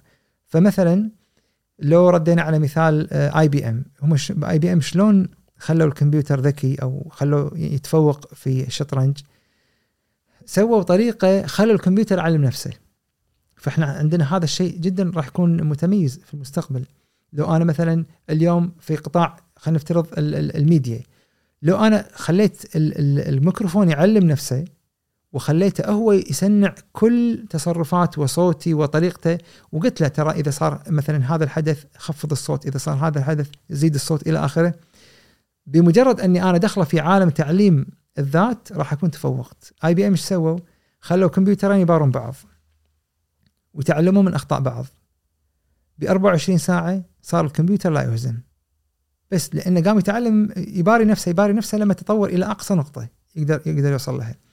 الذكاء الاصطناعي قلنا إحنا جدا مهم في آه، الانتر إنترنت الأشياء. هذه ما. أنا ماني فاهمها دكتور بصراحة. أي حدث إيه. في حياتك قاعد يصير اليوم تحوله إلى شيء آه، يمكن آه، أن يكون بشكل تلقائي. فعلى سبيل المثال لو افترضنا بأن نوع معين من أنواع الوظائف.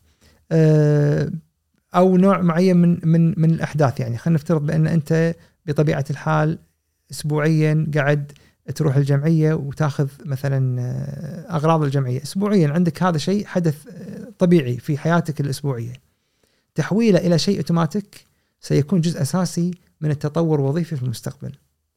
بأن أنا خلاص إذا مر عليك آه، ما أدري إذا مر عليك في زر كنا نشتريه من أمازون. نعلقه على الثلاجه نضغط عليه يجيب لنا ال- ال- الشيء ترى يمكن خلال ثلاث أو أربع ساعات. أذكره يكون فرضا شعار بيبسي فإذا فتحت الثلاجة ماكو بيبسي. تضغط عليه. تصدق ما ف... ترى وقفوها ما فهمت ليش يعني أنا أنا كنت أحس إنها فكرة عبقرية بس ما, ما وقف It's no لأن. لأن ما ما يعادل التكلفة مالته. في الغالب يعني. بس أنه مع الوقت راح يوصل. طبعا. فإحنا كل شيء في حياتنا يمكن أن يتحول إلى شيء أوتوماتيكي أو شيء داخل الإنترنت نسميه the internet of things okay. فهذه آه، راح تدخل في قطاعات التعليم قطاعات التربية قطاعات الصحة آه، قطاعات الصناعة الزراعة. تخيل بس عليك أن تتخيل بأن شلون راح تدخل كل هذه الأشياء في قطاعات ال- ال- ال- الأوتوميشن. فهذه كذلك من الأشياء اللي إحنا فعلا لازم نركز عليها ونحط في بالنا أن الجيل القادم لابد أن يستعد بالطريقة هذه. أنا بالنسبة لي على الأقل تعلم الأساسيات في البرمجة يعتبر شيء جدا مهم. فأنا آه، يعني على ما الطالب يتخرج أو على ما يكون على وجه تخرج في الغالب راح يكون في حدث جديد صار في الحياة. فهو يعرف يتعامل وياه بطريقة تكنولوجية آه، آه، تزيد الكفاءة وتقلل التكلفة. أنا كلمه دائما أعيدها دكتور بكل فرصه لي بس لأهميتها قال إياها أحمد معرفي هو عنده اكاديميه CODED قال لي بعد عشر سنين من اليوم اللي ما يعرف أبجديات ال coding كانه اليوم بوقتنا هذا ما يعرف إنجليزي. بالضبط. وما ما ما يعني دائما أحاول كل ما ألقى شخص يعني ولي أمر عنده يعني أنا أعتقد يمكن اللي بعمرنا أو أكبر قد يكون شوية صعب عليه. إيه. ولكن أي واحد عنده طفل صغير أو شخص عنده الاستعداد إنه يتعلم أعتقد هذا موضوع الكودينج أصبح يعني جدا لا. مفر منه. جدا مهم جدا مهم. وأتوقع إنه هو راح يخفف الضغط ال- على يعني على الوظائف الحكومية وبنفس الوقت راح يخفف الضغط النفسي على ال- ال- الخريج بأنه ما يلاقي وظيفة أو يكون عنده تحدي في الوصول إلى وظيفة إلى آخره. يعني إحنا اليوم قاعد نشوف أن الخريجين قاعد يواجهون معاناة بأن هناك تكد- تكدسات في بعض التخصصات المعينة اللي مو عارفة تلاقي وظيفة بسبب عدم وجود الربط ما بين التخصص نفسه وما بين التكنولوجيا اللي موجودة في هذا التخصص. خليك من الحكومة دكتور كوزارة تربيه ولا جامعة يمكن ناقص شغلهم شوية أصعب وأتمنى إنك ما تحفظ كثر ما ما تقدر يلا. يعني بس اليوم اي الجامعات الخاصة لها مكانتها وفي إقبال كبير عليها قدرت تثبت نفسها في السنين الأخيرة فأصبحت جزء مهم من العملية التعليمية بالكويت.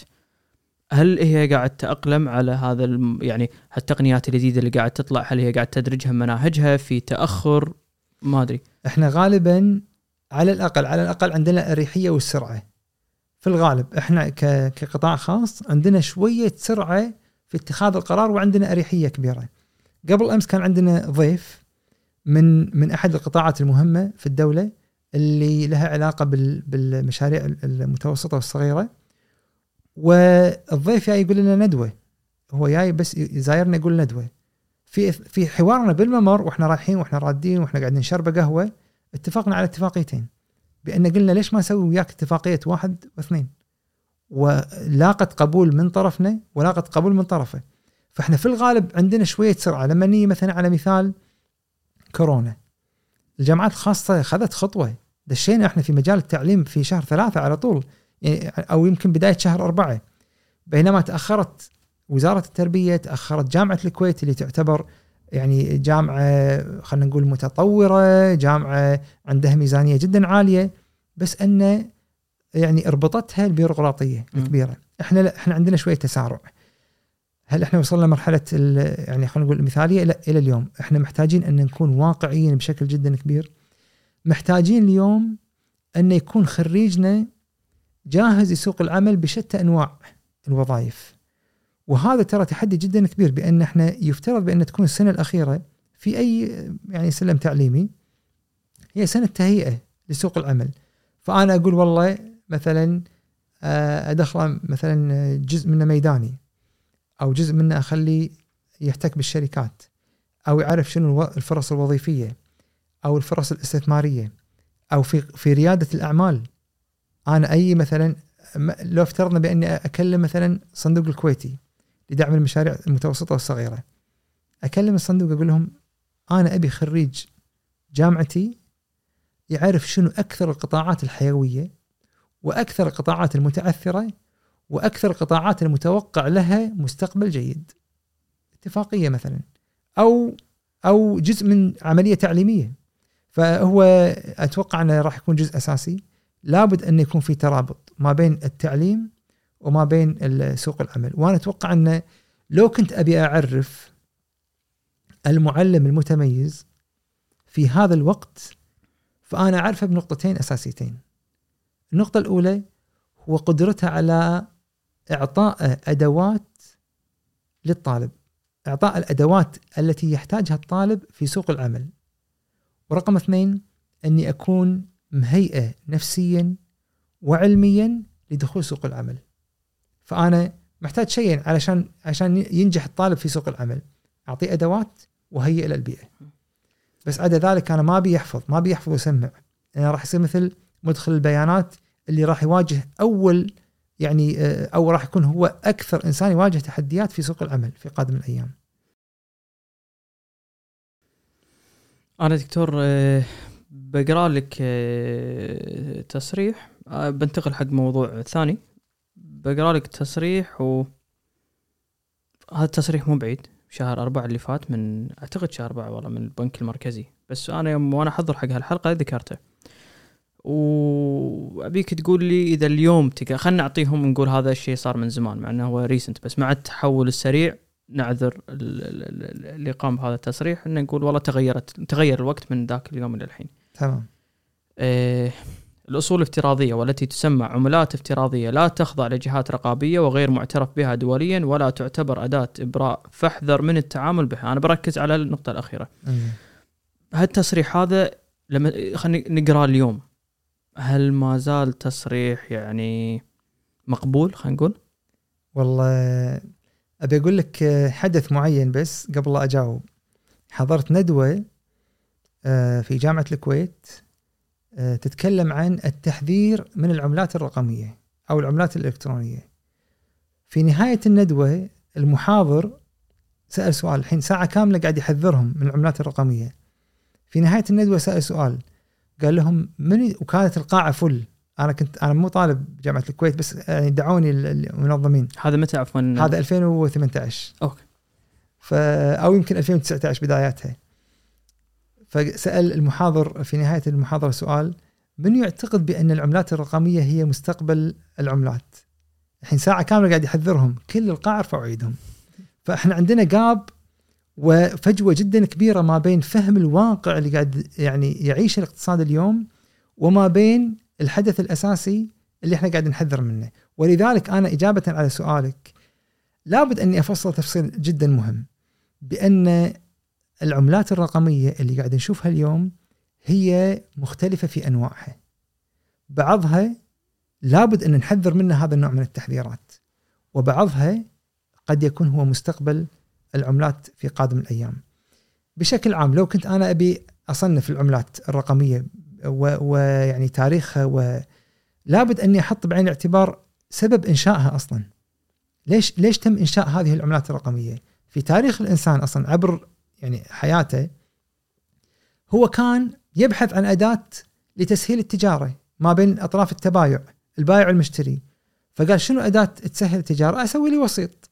فمرة حط له مثلا نوع من أنواع الصدف مرة حط له نوع من أنواع الريش مرة حط له نوع من أنواع يعني المجوهرات وغيره وصل حق الذهب أكثر شيء استقر عليه الإنسان عبر التاريخ بأن يكون وسيط ما بين أطراف التبائع هو الذهب وبعدين بعد ذلك انتقل من الذهب إلى العملات الورقية فالعملات الورقية حلت مشكلة جدا كبيرة بالذهب اللي هو الوزن وطريقة الصك وطريقة آه، تقسيماتها إلى آخره. فئه العملات الورقية حلت مشكلة كبيرة. لكن العملات الورقية ما زالت تواجه مشكلة أخرى اللي هي كمياتها. أنا لما بشتري عقار لازم يكون عندي كميات جدا كبيرة من من الكاش. فئه الشيكات حلت مشكلة. الشيكات فيها مشكلة كذلك اللي هي شنو؟ اللي هي المكان مثلا والفترة الزمنية فأنا لو بدفع حق واحد موجود في دولة أخرى ولا في قارة أخرى راح ياخذ وقت ويعني راح يعني قد يعني هذا الوقت يسبب مشكلة بالنسبة لي يعني بس ممكن استوقفك دكتور آه نعم. شخص آه، صديق قال لي إذا قعدت مع الدكتور سأله عن قصة آه، الصكوك شلون ابتدت الصكوك ولا ما راح معناته راح أرجع خطوة لورا اللي هي آه، أثق فيه أنا أثق إنها قصة زينة يعني. أنا مستعد أرجع ورا شوي هي خطوة لورا أبي أرجع على العملات الورقية. إحنا كنا واصلين حق الشيكات لأن أنا ابي أتسلسل وياك لما بوصل حق العملات الرقمية. بس الحين باخذ خطوة لورا العملات الورقية يقال بأن أول من استخدم العملات الورقية كطريقة تحويل ما بين الذهب لأنه هو انتقال من الذهب للعملات الورقية. صارت في إيطاليا في نهاية تقريبا القرن الرابع عشر بداية القرن الخامس عشر. في إيطاليا الطاولة يسمونها بانك أو أو banco. bank كانت عب... banco عبارة عن طاولة يجلس عليها أو يعني مسؤول عنها الصاغة صاغة الذهب في إيطاليا. وإيطاليا كانت مشهورة بصياغة الذهب وغيرها.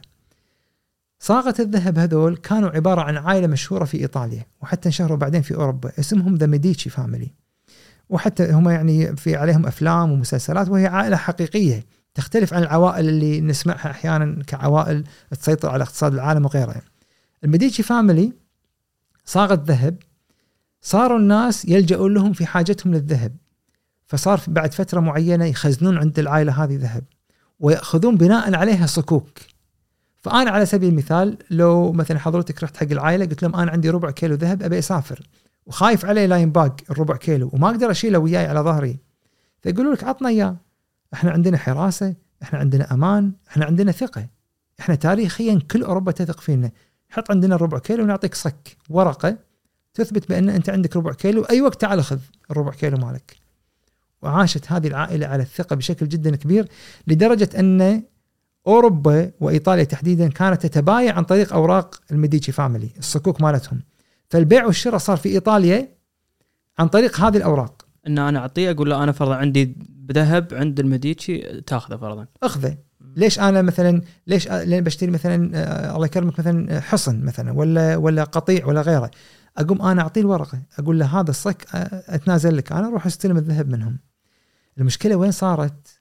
هو ليش سقط هذه فكرة أول بنك عبر التاريخ. ليش سقطت الفكرة؟ يا الجيل الثاني والجيل الثالث من العائلة إيش سووا؟ اكتشفوا شيئين. اكتشفوا بأن الناس مو قاعد تسأل عن الذهب. الناس قاعد تحط الذهب بس مو قاعد تسأل عنه. واكتشفوا بأن ما حد قاعد يعد كميات الصكوك اللي طلعوها. ممكن تكون الصكوك زايدة عن كمية الذهب اللي ممكن. موجودة. فاستفادوا. قاموا العائلة من الجيل من الجيل الثاني والجيل الثالث يقرضون دون أن يكون هناك توازن ما بين كميات الصكوك اللي طلعوها والأوراق المالية وما بين كميات الذهب اللي موجودة. فصار عندهم ثراء فاحش جدا، صارت عائلة ثرية لدرجة أن حتى ملوك أوروبا يتوددون لهم. لأن ثراءهم غير عادي، بس أن رفع تساؤل من وين لهم هذا الثراء؟ كنا كنا سؤالنا اليوم على على على أمريكا لما تطبع دولارات صح؟ م. وأنا عشان كذي أقول أن يعني يعني أحيانا الشيء اللي يبنى على أساس غير حقيقي يعني يكون مخطور يكون على خطر وهذا صار في في عائلة المديتشي بدأت تتكاثر الأسئلة هذه وزاد التساؤل لما اجتمع الناس في يوم وقالوا نبي ذهبنا. بعد تقريبا جيلين وقروض أعطوها حق دول في أوروبا أعطوها حق عوائل حاكمة أعطوها حق أفراد. وكانوا يطبعون يطبعون صكوك دون أن يكون لديها غطاء من الذهب. يو ناس تجمعت وطالبت بالذهب واكتشفت إنه ماكو ذهب. كانت عبارة عن أشياء يعني آه ثقة يعني آه بناها الجيل الأول وهدمها الجيل الثاني. وسقطت العائلة وسقط سقط وراها فكرة أول بنك. فإحنا عندنا التحول من الذهب إلى الأوراق المالية كانت تقريبا هذه أول محاولاته ويقال بأن الصين من زمان حاولت إنها تطبع أوراق مالية لكن ما كانت بهذه الطريقة البنكية اللي تحولت بعدين إلى طريقة رسمية بغطاء ذهبي وإلى آخره. أكمل لك قصة الأحداث المالية لأن أنا عندي وايد مهم أبني العملة الرقمية وين راح توصل؟ يت الشيكات حلت مشكلة الكاش لكن عندها مشكلة المكان يت بعدين التعاملات الإلكترونية فأنا اليوم أحول لك بضغطة زر أحول لك أنت في أمريكا أنت في أوروبا أحول لك إلى الآن الإنسان يعني وصل إلى هذه المرحلة. بس أنا لازم أحط بعين الاعتبار نقطة وايد مهمة. غالبا الإنسان لا يقف عند نقطة معينة في تطوره في أي نوع من انواع المجالات. أغلب القطاعات الإنسان لا يقف عندها. فدائما يفكر في المشكلة اللي قاعد يواجهها اليوم. أنا شو المشكلة اللي أواجهها اليوم بالتحويلات الإلكترونية؟ عندي مشكلتين رئيسيتين. المشكلة الأولى هي الوساطة. أنا ليش ليش في وسيط؟ يعني أنا مثلا اليوم عندي أنا حساب في في الكويت وعندي حساب في أمريكا. عشان أحول له لو حولته يوم اليوم مثلا الخميس في الغالب البنوك الكويتية راح تكون مثلا عطلت بالليل معناته راح عليه الخميس والجمعة والسبت. الأحد راح تكون البنوك الأمريكية عطلت فأنا عندي أربعة أيام راحت علي بالتحويل.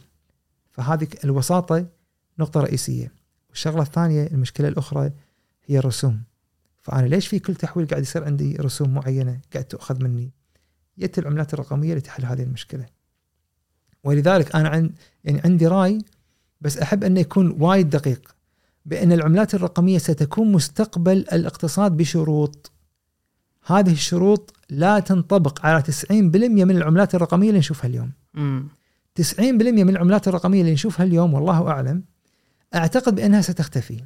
لأنها مبنية على أساس المضاربة وليس على أساس أنها ست- ستصبح عملة المستقبل. اللي بنوا العملات اللي قاعد نشوفها اليوم مضاربية وقاعد يعني مثلا يعني شنو مشكلة العملات الرقمية اللي نشوفها اليوم؟ بأن يعني أحد مشاكلها الرئيسية بأنها غيرت الفكر فكر الاستثمار والادخار. اليوم تسمع الشاب ما يقتنع بالعشرة بالمية اللي هي عائد يعتبر معقول جدا في عالم الاستثمار والادخار لأنه هو ال average مال العقار لو افترضنا بأن العقارات تعطيك بين 6 إلى 9% 10 يعتبر رقم جدا زين بالمية سنويا. اليوم إذا ما قلت له X و X ين و- و- وغيره ما يقتنع الشاب هذا غير الفكر الاستثماري والادخار اللي عنده لكن ومبني على شيء خاطئ. مبني على أساس أني أنا سأشتري عملة ليس لديها أي فائدة. أي فائدة ما في إلا أن هناك إنسان سيأتي من بعدي ويشتريها. مضاربة. مضاربة. يذكرنا تماما بحدث بحدثين تاريخيين صاروا. حدث وايد كبير وحدث أصغر منه. الحدث الأول يسمونه ذا تولب مانياك اللي هو ال- ال- حدث صار تقريبا في 1600 في في في هولندا بأن الناس صار عندها جنون زهرة التولب.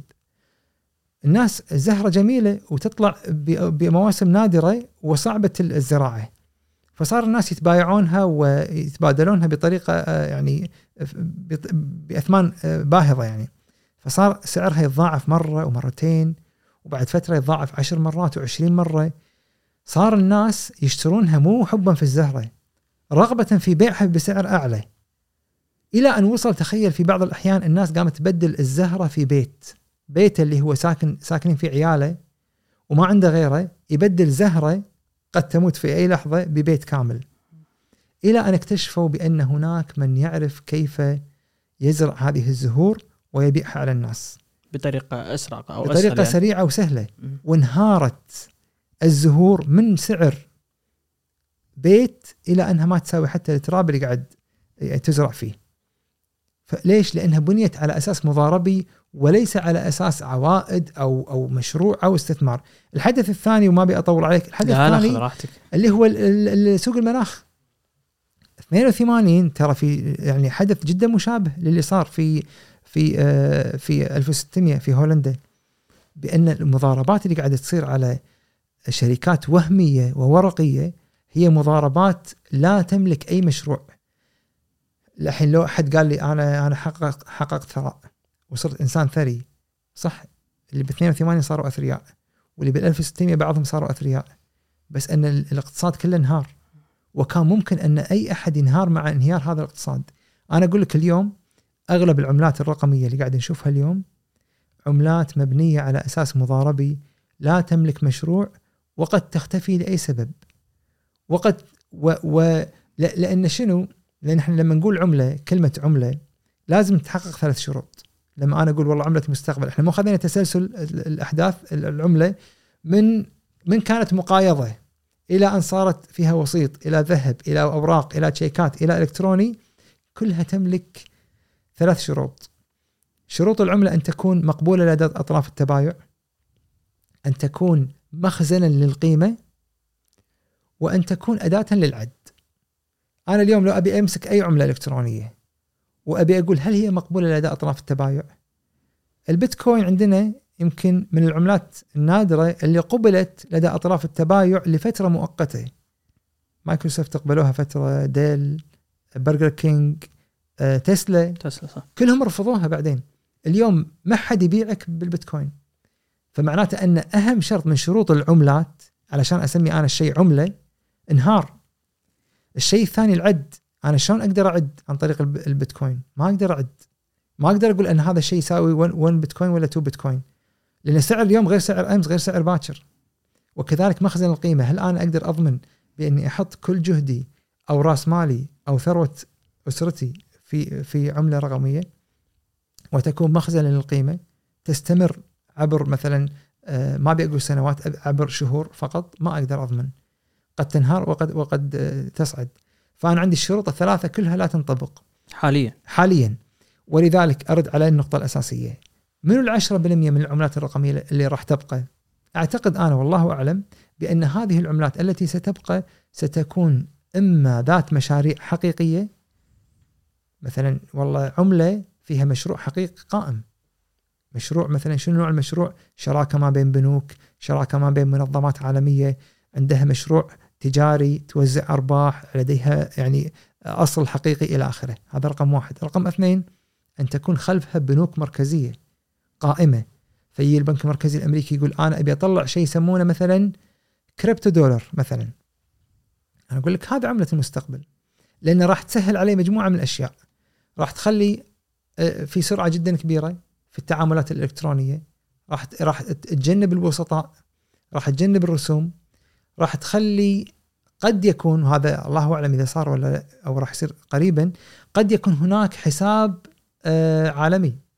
فأنت تفتح حساب عن طريق مثلا آه، الكريبتو دولار مثلا وتسحب فيه من أي مكان تحول له في لحظات يكون عندك تعاملاتك مع أصدقائك مع يعني آه، مع زملاء الدراسة السابقين التحويل في غضون ثواني.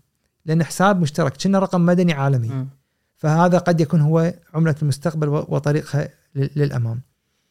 لكن اليوم قاعد نشوف لا العملات قاعد تواجه تذبذبات جدا عالية.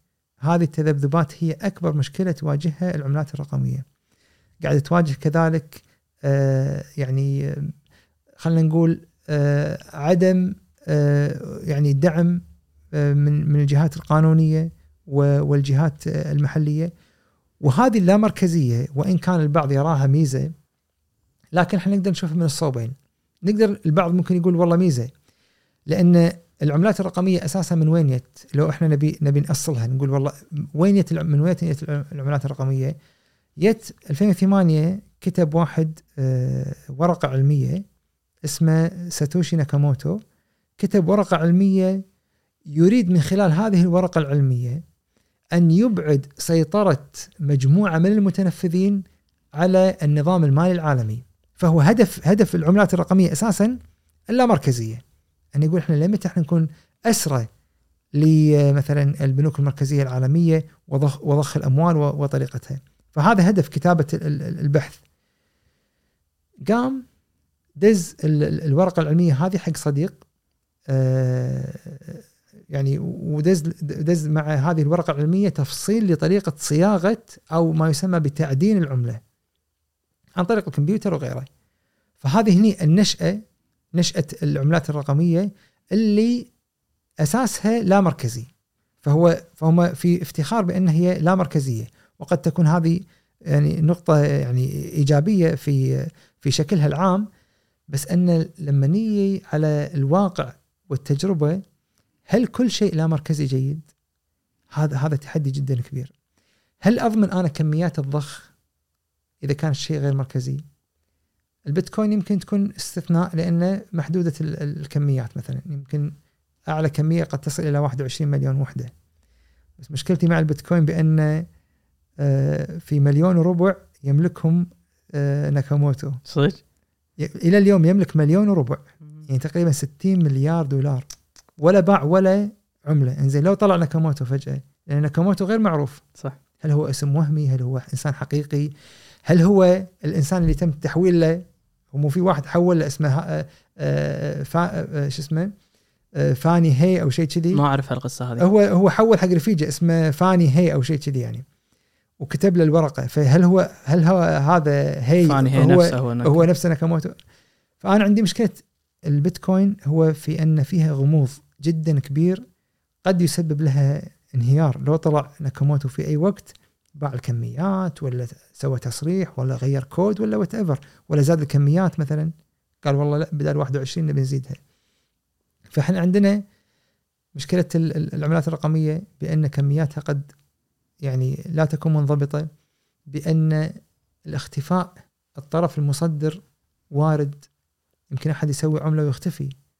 يقول والله مثل ما صار صار في أكثر من دولة بأن اللي سوى العملة وباع على الناس آه، اختفى. فعندنا إحنا اللامركزيه تعتبر من الأشياء يعني إلى حد كبير سلبية يعني لأن آه، يبقى العالم بحاجة إلى انضباط بحاجة إلى قوانين بحاجة إلى يعني الطرف محايد يكون جهة للتحكيم ما بين أطراف التنازع إذا كان هناك تنازع. بس في نهاية الطريق دكتور تعتقد هي موجودة وراح تبقى و... ال ال خلينا نقول الرسمية منها ستبقى. اللي موجودة اليوم قد تكون عملة للمضاربة قد تستمر المضاربه على المدى الطويل بس كعملة ما ما حققت الشروط وصعب تحقق الشروط إلا إذا كانت جهة رسمية وراها. بس أنت طبعا جهة رسمية تقصد البنوك المركزيه صح؟ بنك مركزية. منظمات عالمية تكتلات دول. في حال حققت الشروط اللي أنت تطلبها شنو أثرها دكتور على البنوك التجارية؟ غير يعني خليك وأنا وأنا ودي أشمل معاها موضوع البلوك تشين شوية. حلو. هذا هل أثره راح يروح يكون سلبي على البنوك اللي نشوفها اليوم التقليدية؟ التقليدية ما أقصد الغير إسلامي بس- بس أقصد التجارية يعني. تجاريه اثر سلبي إذا ما دخلوا في العالم هذا. شلون أول شيء شلون أثره سلبي عليهم؟ أثره سلبي بأن هم في الغالب آه، شنو فكرة البنوك؟ أساس فكرة البنك. أي بنك حول العالم فكرته قائمة على أساس أنه هو وسيط ما بين طرف لديه فائض من الأموال وطرف لديه حاجة للأموال، هذه فكرة ترى اي بنك حول العالم. م. فأنت أي ناس آه، اتي ناس تودع أموال داخل البنك لأن عندها فائض والبنك يعطيها فائدة، نفترض يعطيها 2% مثلا. وفي ناس عندها حاجة للأموال تبي تقترض فتأخذ القرض من هذا البنك بفائدة قول 4% ففائده البنك 2% اللي هو لأنه وسيط ما بين طرفين.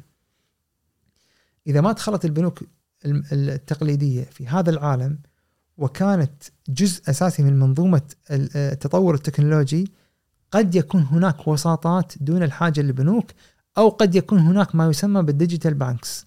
ان راح يكون في هناك بنوك آه، يعني تقنية لا تحتاج إلى أن يكون هناك يعني آه، خلينا نقول آه، مراكز أو أو أو فروع حقيقية وتكون مرخصة يمكن من البنك المركزي. وتكون تعمل محل الوسيط تكون هي وسيط ما بين الطرفين وتعطي قروض بفوائد تنافسية وغيرها يعني. وبطبيعة الحال أن إذا كان هناك يعني آه، عمل آه، تقني آه، غالبا راح تكون التكلفة فيه جدا منخفضة. فلا عدد الموظفين راح يكون في حاجة إليه ولا ولا المباني ولا تكل- الت- التكلفة ال- الإنشائية وغيرها فراح يكون في منافسة جدا عالية. فالبنوك إذا ما دخلت في هذا العالم اللي هو والدخول يكون عن طريق البنوك ال digitalized bank صح؟ مو عن طريق سواء ال digital banks أو أو أو بلوك تشين أو cryptocurrency أو غيره. بس أن على الأقل لو أنا كنت أعمل في بنك اليوم أو كنت في مكان تنفيذي في أي بنك لابد أني أدرب موظفيني على هذه التكنولوجيا. وأخليهم على الأقل على دراية واطلاع بكل تطوراتها القادمة. خصوصا التصريحات العالمية اللي قاعد تصير. فأنا أحاول أتابع أشوف انه وين رايحين إحنا هل راح يصير فعلا في يوم من الأيام هناك عملة رسمية؟ بعض دول الخليج تكلموا عن عملة رسمية. آه، آه، آه، في أمريكا صار هناك تلميح إلى أن قد يكون هناك عملة مثلا كريبتو مثلا دولار على سبيل المثال. ماكو تصريح رسمي يعني أساسي بس إنه كأنه تلميح بأن هذا العالم سندرسه. سيكون هو جزء من دراستنا ومعرفتنا بالاطلاع. ما عادت عفوا دكتور آه، تصاريح شديدة اللهجة نفس أول برا الكويت يعني أنا أتكلم. أي. يعني كأنه خفت خف ال tone عن عن أول كأنه بدأ يصير في تقبل أكثر في من تقبل أول. أكثر لأن في في هذا النوع من التسارع آه، صعب توقفه. يعني آه، غالبا أغلب التكنولوجيا إذا دخلت يعني آه، في في هذا العالم ما تقدر تمنعها. كل اللي تقدر تسويه تت- تتبناها. بس تتبناها وت- وتوجه وتوجهها التوجيه الصحيح فأنت تقول والله أنا أعتقد بأن توجيهنا لمثلا العملات الرقمية بهذا الاتجاه واستفادتنا منه بهذه الطريقة سيكون هو الأمثل. العموم دكتور مشكور. أعتقد غطينا كل شيء إن شاء الله ما طافنا شيء بس أنا راعي وقتك شوية. شكرا جزيلا. آه، ما قصرت مشكور على ييتك استانسنا معاك. الله مشكور يعطيك العافية. مشكورين جدا على وقتكم الثمين ويعني مقدر لكم يعني هذه الاستضافة والدعوة الكريمة وكل التوفيق لكم إن شاء الله. جزاك الله خير. مشكور. ما. قصرت. الله.